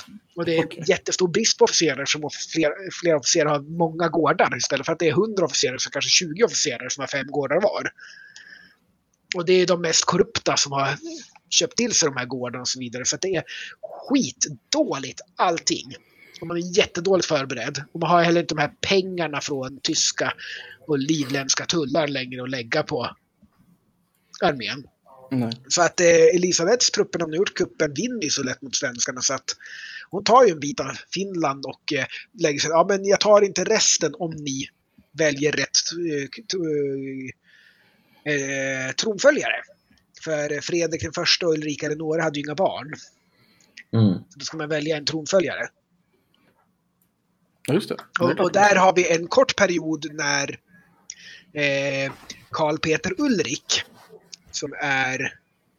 Eh, Fantastiskt namn för övrigt. Ja, precis. Det, nu ska vi se. Han är då systerson till Karl XII. Så har blivit vald till... Nej, vänta. Systersons son blir han. Okej. Okay. Eh, för hans mamma är eh, An, eh, Anna Petrovna, alltså dotter till Peter den store. Mm. Och hans pappa är hertig av Holstein vars då mamma var syster till, eh, eh till Karl XII. Det låter väldigt invecklat, men jag tror jag förstår. Ja, så han, ett kort tag är han tronföljare i både Ryssland och Sverige. Mm. Det har varit en fantastisk union. det hade ju inte gått för att eh, i Ryssland måste han vara ortodox och i Sverige måste han vara protestant. Så mm. han hade inte kunnat vara bägge, men eh, innan eh, svenska riksdagen utnämnde honom till tronföljare innan de får veta att han har blivit utnämnd till tronföljare i Ryssland. Och då mm. ändrade de det beslutet och ändrade det till någonting eh, kejsarinna Elisabeth Ryssland vill ha. För att då får man behålla mer av Finland. Jaha, okej. Okay. Men det är i alla fall, det är ett krig som tillkommer på fransk begäran som går skitdåligt. Där vi förlorar mer av Finland. Och, och nu, är vi, nu är vi exakt vart någonstans? Alltså, 1742. 1742, okej. Okay. Ja. ja. Och att det här har gått så jävla dåligt och korruption och skit gör ju att bönderna i Dalarna bestämmer sig att nu gör vi uppror. Och marscherar ner och tar Stockholm. Mm -hmm. Mm. Den stora daldansen kallas det tills man lyckas få fram lojala trupper som skjuter ner dem. Men det är ändå ja. Sveriges sista stora bondeuppror. Det är relativt okänt. Vad sa du att det hette? Stora daldansen. Vi går mot franska revolutionen. Precis. Fast egentligen borde vi väl ta upp deras stöd för eh, USA. USA, tack. För det är ju relevant och innan. Precis. Och väldigt franskt. Men, eh, först vill jag påpeka att 1739 tar ju perserna del i. Och det är början på nedgången för Mugalriket. Som är det helt klart rikaste landet i världen vid den här tidpunkten. Mm. Varför är de så rika? Eh, kontrollerar väldigt mycket av Indien som är den mest välbefolkade och bördiga landet i världen. Ja, ja. Alltså, man ska inte glömma att kring 1700 så stod Indien och Kina tillsammans för ungefär 50 procent av världens BNP. Mm. För att de har så mycket folk och de har bördiga odlingar mm. och eh, mycket annan produktion också. Eh, och så att det är den här rikedomen man vill åt med de här Ostindiska kompanierna som seglar och har sig. Mm. Vi kanske alla... bör, um, bara säga det, vi kanske bör nämna upplysningen i förbifarten också, alltså som mm. koncept. Precis. Och det kommer ju med idéer som eh, due process och eh, riktig rättegång och eh, lag mm. för, för, för det? styre enligt lagen. Mm. Eh, och, eh, Rättssamhälle. Ja, precis så, tack. Jag tappade bort ordet. Och det ska man säga att eh, vi i Sverige var väldigt tidiga med. Därför att eh, redan innan den här perioden så har ju och det är någonting Karl XI var väldigt putt på därför att vi hade häradshövdingar som var, ut, var utnämnda av staten. Som var då häradsdomare. Och det var ju den tidiga tingsrätten var ju häradsrätten. Mm. Och det bestod av häradshövdingen som domare och tolv stycken så kallade tolvmän som skulle utses på sockenstämmorna av bönderna själva. Det skulle vara redeliga herrar dannemän, det vill säga självägande bönder och kända som intelligenta, hederliga och visa bra. Mm. Mm. Så att eh, där har vi en eh, redan ett rättssamhälle där vanligt folk kan påverka ganska mycket. Och på, under 1600-talet blir det oftare så att eh, häradshövdingen delegerar sitt jobb som häradsdomare till en av de här tolvmännen. Mm. Medan eh, Karl XI blev väldigt sur på det för han tyckte att de han utnämnde skulle fan vara det han utnämnde dem, inte ha sju jobb och bo lyxigt i Stockholm. Mm. Mm. Men, och sen hade vi hovrätten man kunde överklaga till och sen då eh, det som då var högsta domstolen, så kungen själv. Mm. Och både Karl XI och Karl XII satt och lyssnade på överklaganden från hovrätten och beslutade och dömde i dem. Mm. Eh, så att eh, det fanns eh, ett protorättssamhälle i Sverige redan då. Men ja, vi har ju maktdelningsprinciperna som kommer med upplysningen. Med, mm. Man vill dela mellan lagstiftande, dömande och exekverande makt. Och det kommer ju påverka USAs, utformningen av USAs konstitution väldigt, väldigt mycket sen. Mm. Okay. Men, men de har ju också vissa idéer om den upplysta despoten, att en monark som är, är uppfylld av upplysningsideal och absolut mm. monark är bättre än alternativen. Leviathan, eller hur? Förlåt, vad sa du? Leviathan. Alltså det är väl uh, mm. Hobbes Leviathan du tänker på nu, eller? Eh, nej, jag tänker väl på... Eh, inte Voltaire som pratar om den upplysta despoten. Nej, är det det? Han var ju väldigt förtjust i Karl XII. Du kanske har rätt. Jag kanske blandar ihop det. Jag tänker på Hobbes idéer om liksom, eh, alltså monarken som någon slags garant för det goda samhället. Um, ja. mm. uh, spelar ingen roll. Nej, jag tror Voltaire var först med det faktiskt i Europa. Ja, okej. Okay. Mm. Ja. ja, ja, han har sagt hellre en upplyst despot, despoti än en oupplyst demokrati. Alltså det är det, ja, det är med. Precis. Mm. Han gillade Karl XII och Fredrik den store och höll fram dem som exempel på upplysta despoter. Mm. Ja, en oupplyst demokrati är ett gissel. Det kan vi väl vara överens om, även om det kanske är ett... Alltså jag säger jag kanske föredrar, föredrar det så är det ändå så här, mm, det är inte lätt att. Jag, jag, säger så här, alltså Churchill sa i parlament, brittiska parlamentet någon gång på 50-talet, tror jag, citerades en okänd upphovsman, att demokrati är den värsta av alla styrelseformer, förutom alla andra som har provats.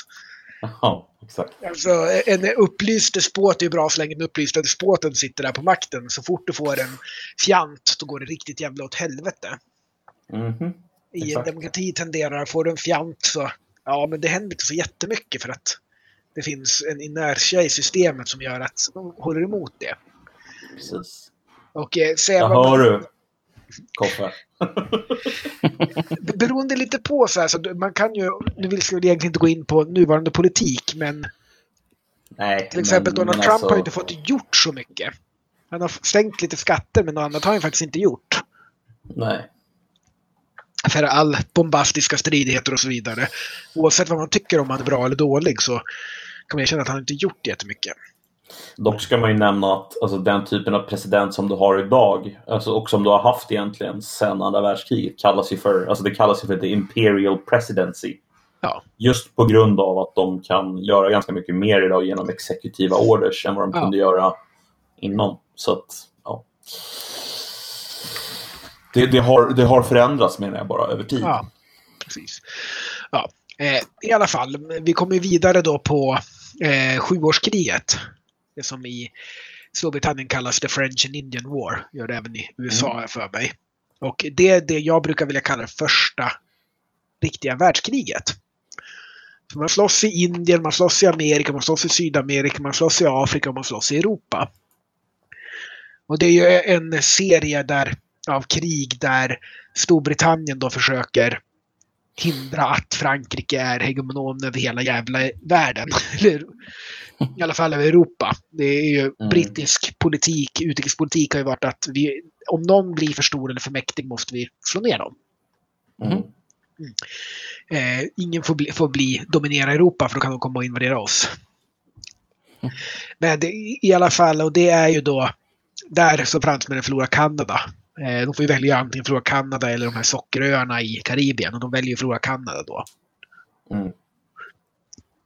Det säger ju en del att hela Kanada är värt mindre än en sockerö. Mm, det säger ganska mycket. Mm. Eh, och det är ju då Preussen kommer fram under Fredrik den store som en, eh, faktiskt slår långt över sin vikt. Eh, och blir väl, ersätter Sverige som den protestantiska makten i Europa som slår över sin vikt. Mm. För Preussen krigar mot Sverige, Ryssland, mm. Österrike och Frankrike samtidigt. Och lyckas ändå hålla ut. Det är väldigt imponerande. Men alltså, det har att göra med deras absoluta liksom, militära... Uh, Militarism, ja. Mm. Militarism, det sägs om Preussen den här eran liksom att andra länder har en armé. Den preussiska mm. armén har ett land. alltså, det är så jävla absurt. Det ligger ju någon sanning i det också. Oh ja. Så är det ju.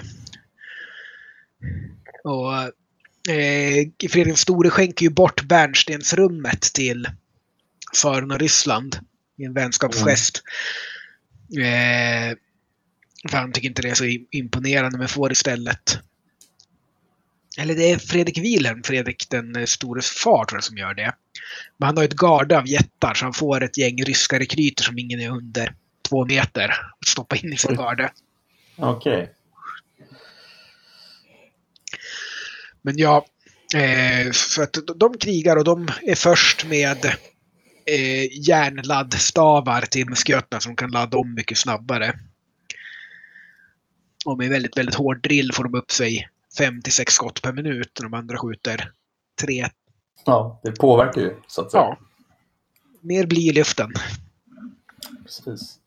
Mm. Eh, och så sen börjar vi eh, knata uppåt så har vi det amerikanska frihetskriget. När de då vinner. Och det här har vi en väldigt intressant sektion som eh, vi inte har pratat om innan. Det här systemet att hyra arméer i Europa. Mm. För, för, britterna använde ju då under den amerikanska revolutionen den hessiska armén. De hyr in den och använder den i Amerika. Varför gör de det? De behöver trupper och Hessen har trupper att hyra ut. De hade inga egna alltså? Jo, det hade de, men de behövdes ju Indien. Ja, ja, okay. eh, och en av huvudanledningarna till att eh, amerikanerna faktiskt vinner. Dels vinner de i strider i Amerika, men de misslyckas med att invadera Kanada. Och, eh, men att Nederländerna, Frankrike och Spanien tillsammans går ihop och börjar attackera brittiska kolonier och hota brittiska Indien. Och även samlar ihop en armada för att invadera Storbritannien självt. Visserligen åker de på en massa sjukdomar och förlorar sen ett sjöslag och hamnar i en storm så det blir inte mycket av det de samlar ändå ihop en jättestor flotta och tänker att de ska invadera Storbritannien. Det är ju det som gör att britterna är beredda att släppa mm -hmm. kolonierna. För att kolonierna är ju heller ingen kassako direkt för britterna. Därför att de betalar ingen skatt. Ingen skatt på land. Nej. Där. Utan de har ju bara de här tullarna som kolonisterna hatar och det är därför de vräker ner te i havet. Ja, just det. Eh, det är Boston Tea Party-grejen. Ja, precis. Och det är ju en eh, alltså många i Storbritannien, eh, dels är de väldigt uppgivna inför sina chanser att vinna det här kriget. För att segla över till andra sidan jorden och slåss där mot folk som har lokalkännedom. Eh, känns inte så lockande, men de har också markerat hur otacksamma amerikanerna är. För dels är väldigt många av dem landägare, vilket de flesta i England och Storbritannien inte är. Eh, dels behöver de faktiskt inte betala skatt på det land de äger. Eh, utan bara tullar. Och så är de ändå missnöjda. När man dessutom har spenderat det här sjuårskriget och spenderat mycket pengar på att ta Kanada och därmed skydda från franska invasioner. Nu får ni vara med och betala kostnaden det här kriget lite grann där vi skyddar er. Eh, och då, nej, då vräker vi te till sjön. Och bildar ett eget land istället. Men det gick ju väldigt fort efter att de bildat landen till att eh, normalisera relationerna för att handeln var ju väldigt profitabel. Därför att de exporterade ju då tobak, socker, bomull och brödsäd till brittiska öarna. Mm. Och britterna exporterade industriprodukter till Amerika. Så det var, handeln var profitabel så det gick väldigt fort att återställa normala relationer efteråt. Och mm. vad heter det, det här inbördeskriget, eller inte inbördeskriget, ursäkta, eh, frihetskriget, det drar igång alltså någonstans 1770 någonting va? 73? Eh, vad är det, 73 det är de första skjutningarna eller något sånt. Mm. Och tar slut redan 76? Det pågår väl till 1783. Alltså, kanske då skriver man, skriver man under freden. Okej, okay, okay. Det är bara Declaration of Independence som, som ja. skrivs ner 76. Precis. Under 1783 yes. slutar de fred. 1765 till 1783. Just det. Så har de sin lilla taffel i ja. USA. Som resulterar också i att eh, de här idealen eh, får någon slags, vad ska man säga, som, som, som jag har förstått det i alla fall så skulle man kunna säga att i och med att USA grundas på de här eh, upplysningsidealen så får de här idéerna kanske alltså en praktisk tillämpning som man kan se i andra delar av världen. Det vill säga de ser att det, får, att det tillämpas praktiskt här och inser att nej men vänta, det här kan ju vi också göra. Ja, precis. Eh, det är ju en, det första liksom, upplysningslandet, eller moderna republiken. Mm. Mm. Och är ju en inspiration för väldigt många andra länder. Mm. Kanske speciellt Frankrike. Frankrike. Ja, precis.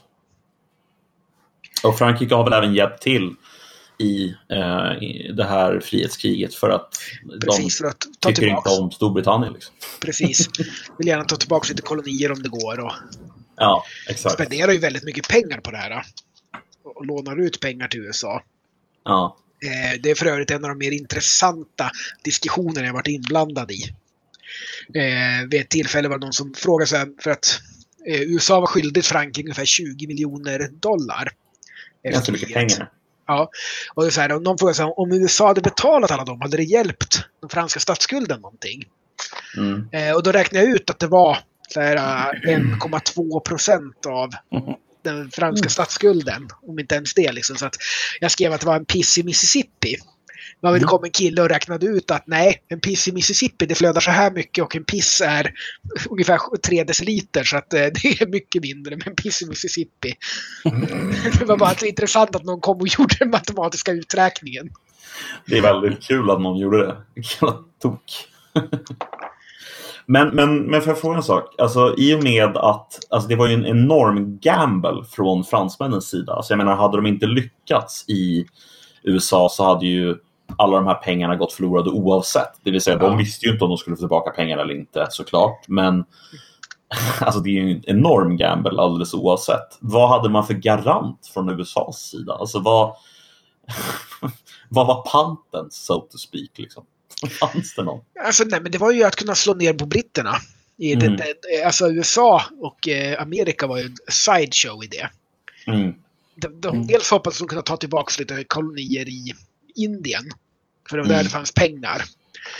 Man ska inte glömma att eh, Sockeröarna var väldigt profitabla men Amerika, alltså det som blir USA vid den här tiden, befolkat av mycket engelsktalande personer men verkligen en sideshow på allt annat. Mm. Mm. Nu ska jag säga det. Jag, jag hittade den här diskussionen. Det eh, Frans, engelsmännen var skyldiga 2 miljoner dollar det vill säga eh, 3200 kilo guld. Den eh, franska statsskulden var 3,5 miljoner kilo guld. Så att eh, den, amerikanska skulden var 0,09 procent av franska mm. skulden.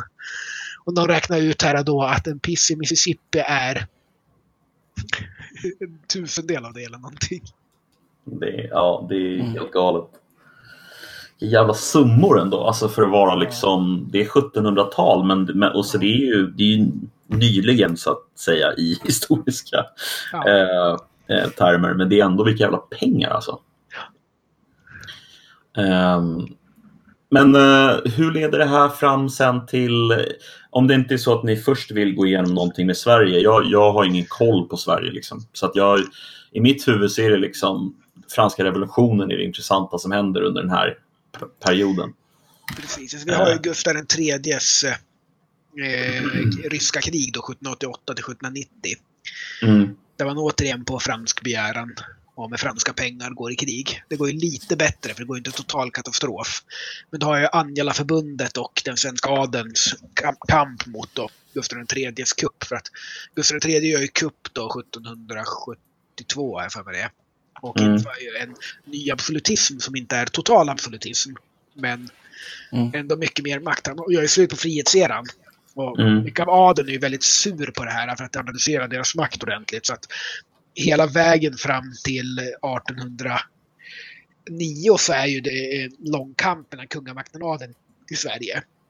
Skulle man kunna säga att, för att han var väl extremt inspirerad av den franska absolutistiska monarken, alltså eh, ja, absoluta absolut. monarken, eller hur? Alltså han var väldigt, väldigt fransk. Absolut. har jag förstått. Eh, har förstått det som att han, eh, alltså han, han kallas väl teaterkungen, är det inte så? Eh, eller blandar jag ihop det med någon annan? Nej, det stämmer. Teaterkungen. Mm. Ja, eh, att han ska liksom ha varit så inspirerad av den franska teatern och den franska högkulturen att han liksom nästan försökte göra om Stockholm till Paris och det, ja, det gick ju sådär. Precis. Men um, ja, vi börjar närma oss slutet. Det är, ja, är det, är det okej okay om jag går tillbaka ganska långt tillbaka? För den grejen skulle jag fråga. Kör det var? Okay. Bra kassett. Häxprocessen i Sverige äger väl rum inom den här tidsperioden? Ja, det gör de. Kan vi prata någonting om häxprocessen? Alltså hur, hur, hur stora var de i Sverige? Alltså, det är ju... Det är 1668 det drar igång ordentligt. Mm. Eh, och... Varför det... drar det igång om vi säger så? Eh, stora oväsen. Alltså det, man får upp till en hysteri. Och mm. det sprider sig.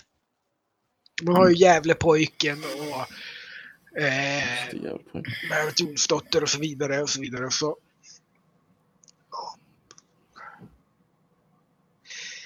eh, och, och, det är många som straffas liksom, men inte till döden. Mm. Eh, alltså till spöstraff och gatlopp. Och det, här tar det, det, slut... finns inget, det finns liksom ingen direkt anledning till det, utan det bara uppstår liksom. Ja. Kollektiv psykosk typ. Ja. Det är någon slags oro på 1660 och 70-talet när det här sker då. Det är ju krig och det är problematiskt och den här korruptionen. Man letar en syndabockar kan jag tänka för att det är problematiskt. Ja. Mm. Mm. Låter som en rimlig förklaring. Mm. Ja. Om vi, eh, om vi ändå kör några så här små korta snabba. Eh, Johan Wolfgang Goethe skrev en bok eh, Den unge Werthers lidande som blev väldigt ja, eh, populär. Mm. Och den, den orsakade väl till och med en självmordsepidemi kan man säga? Nej, det är faktiskt en myt. Det är folk som har undersökt liksom, självmordsfrekvensen okay. före och efter och det är, ska inte ha gått upp om man tittar liksom, dödsorsakerna i kyrkoböckerna. Ja, en annan sån där grej vi skulle kunna ta upp då också snabbt, det är ju... Eh, man brukar ju säga att, att upplysningen börjar med... Eh, eller brukar säga, alltså eh, populär historia brukar man prata om att den börjar någonstans med Principia Mathematica, eller vad den heter. Eh, det vill säga när eh, Sir Isaac Newton eh, lägger grunden för den moderna fysiken. Någonstans 1680, någonting sånt. Eh, men jag inser att den börjar nog tidigare än så egentligen. Eh, var skulle du säga någonstans är startskottet kanske? Om, om man, alltså jag förstår att man inte kan hitta något sånt exakt, men cirkus? Ja, du, det är en svår fråga. Mm, jag vet. I know.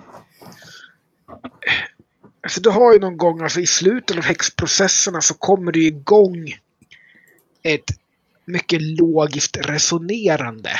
Är det här ja. verkligen rimligt? Alltså det, det, kanske kan man säga det för att när de tar slut i Sverige, det är ju för att bland annat för att eh, Reus eh, liksom går in att men det här stämmer ju inte. Läser man vittnesmålen, de har ju kan ju inte stämma båda två.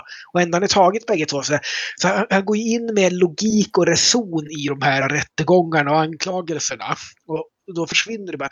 Så det är någonstans här högutbildade börjar använda liksom de här logik och retoriklektionerna de får i sin utbildning till att ifrågasätta och resonera saker i det vardagliga samhället.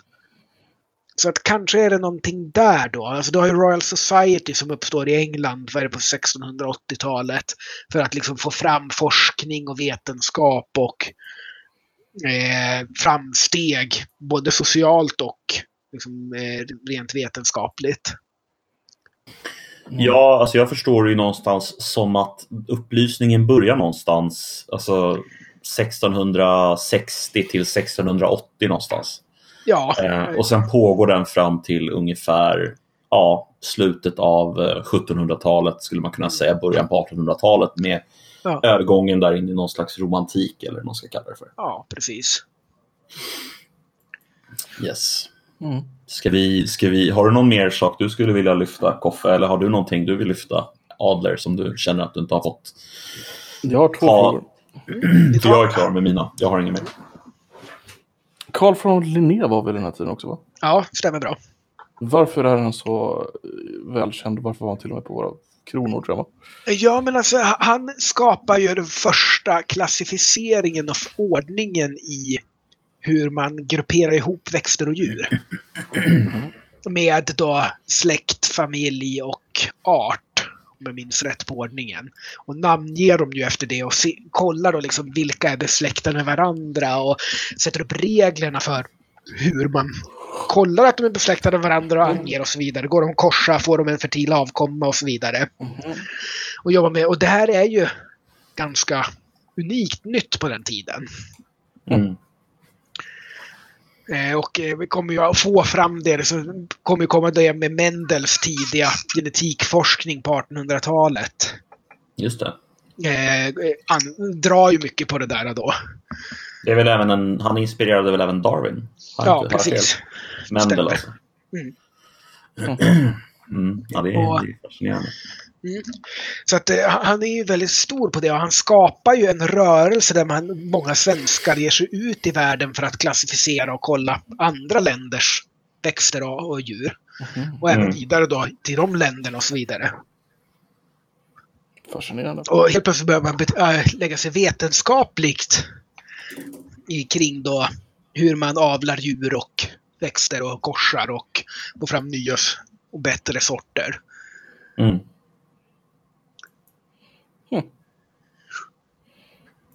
Mm. Um,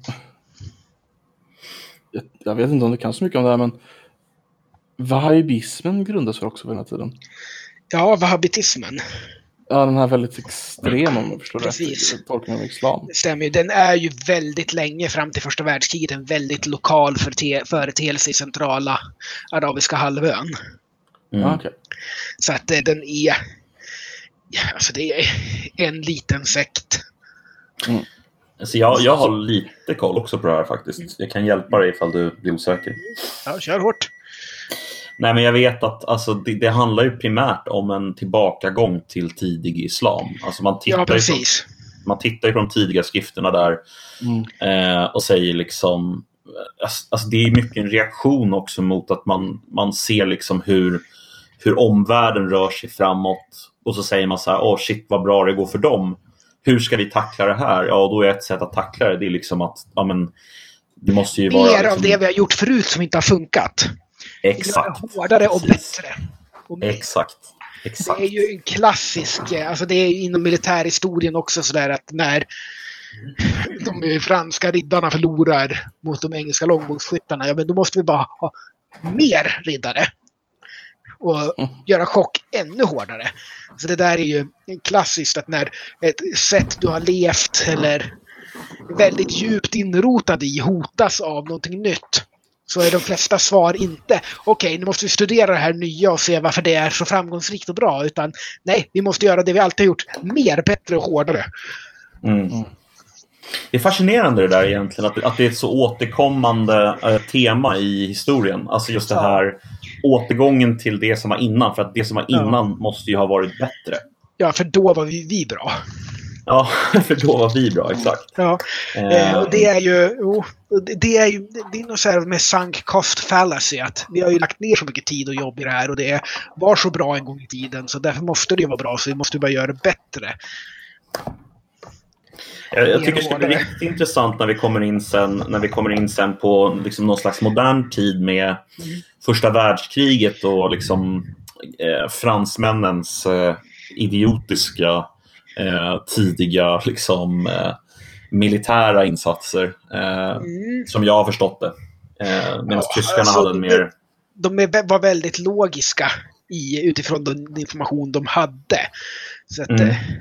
Det är samma sak som man säger så här med 1700-talet när de marscherade i täta formationer och stod och brassade på varandra på korta avstånd och sådär. varför låg man inte ner och varför tog man inte skydd och sådär. Det finns väldigt logiska anledningar. Musköter mm. träffar inte alls på över 60 meter. För de måste skjuta salvor för att få någon effekt.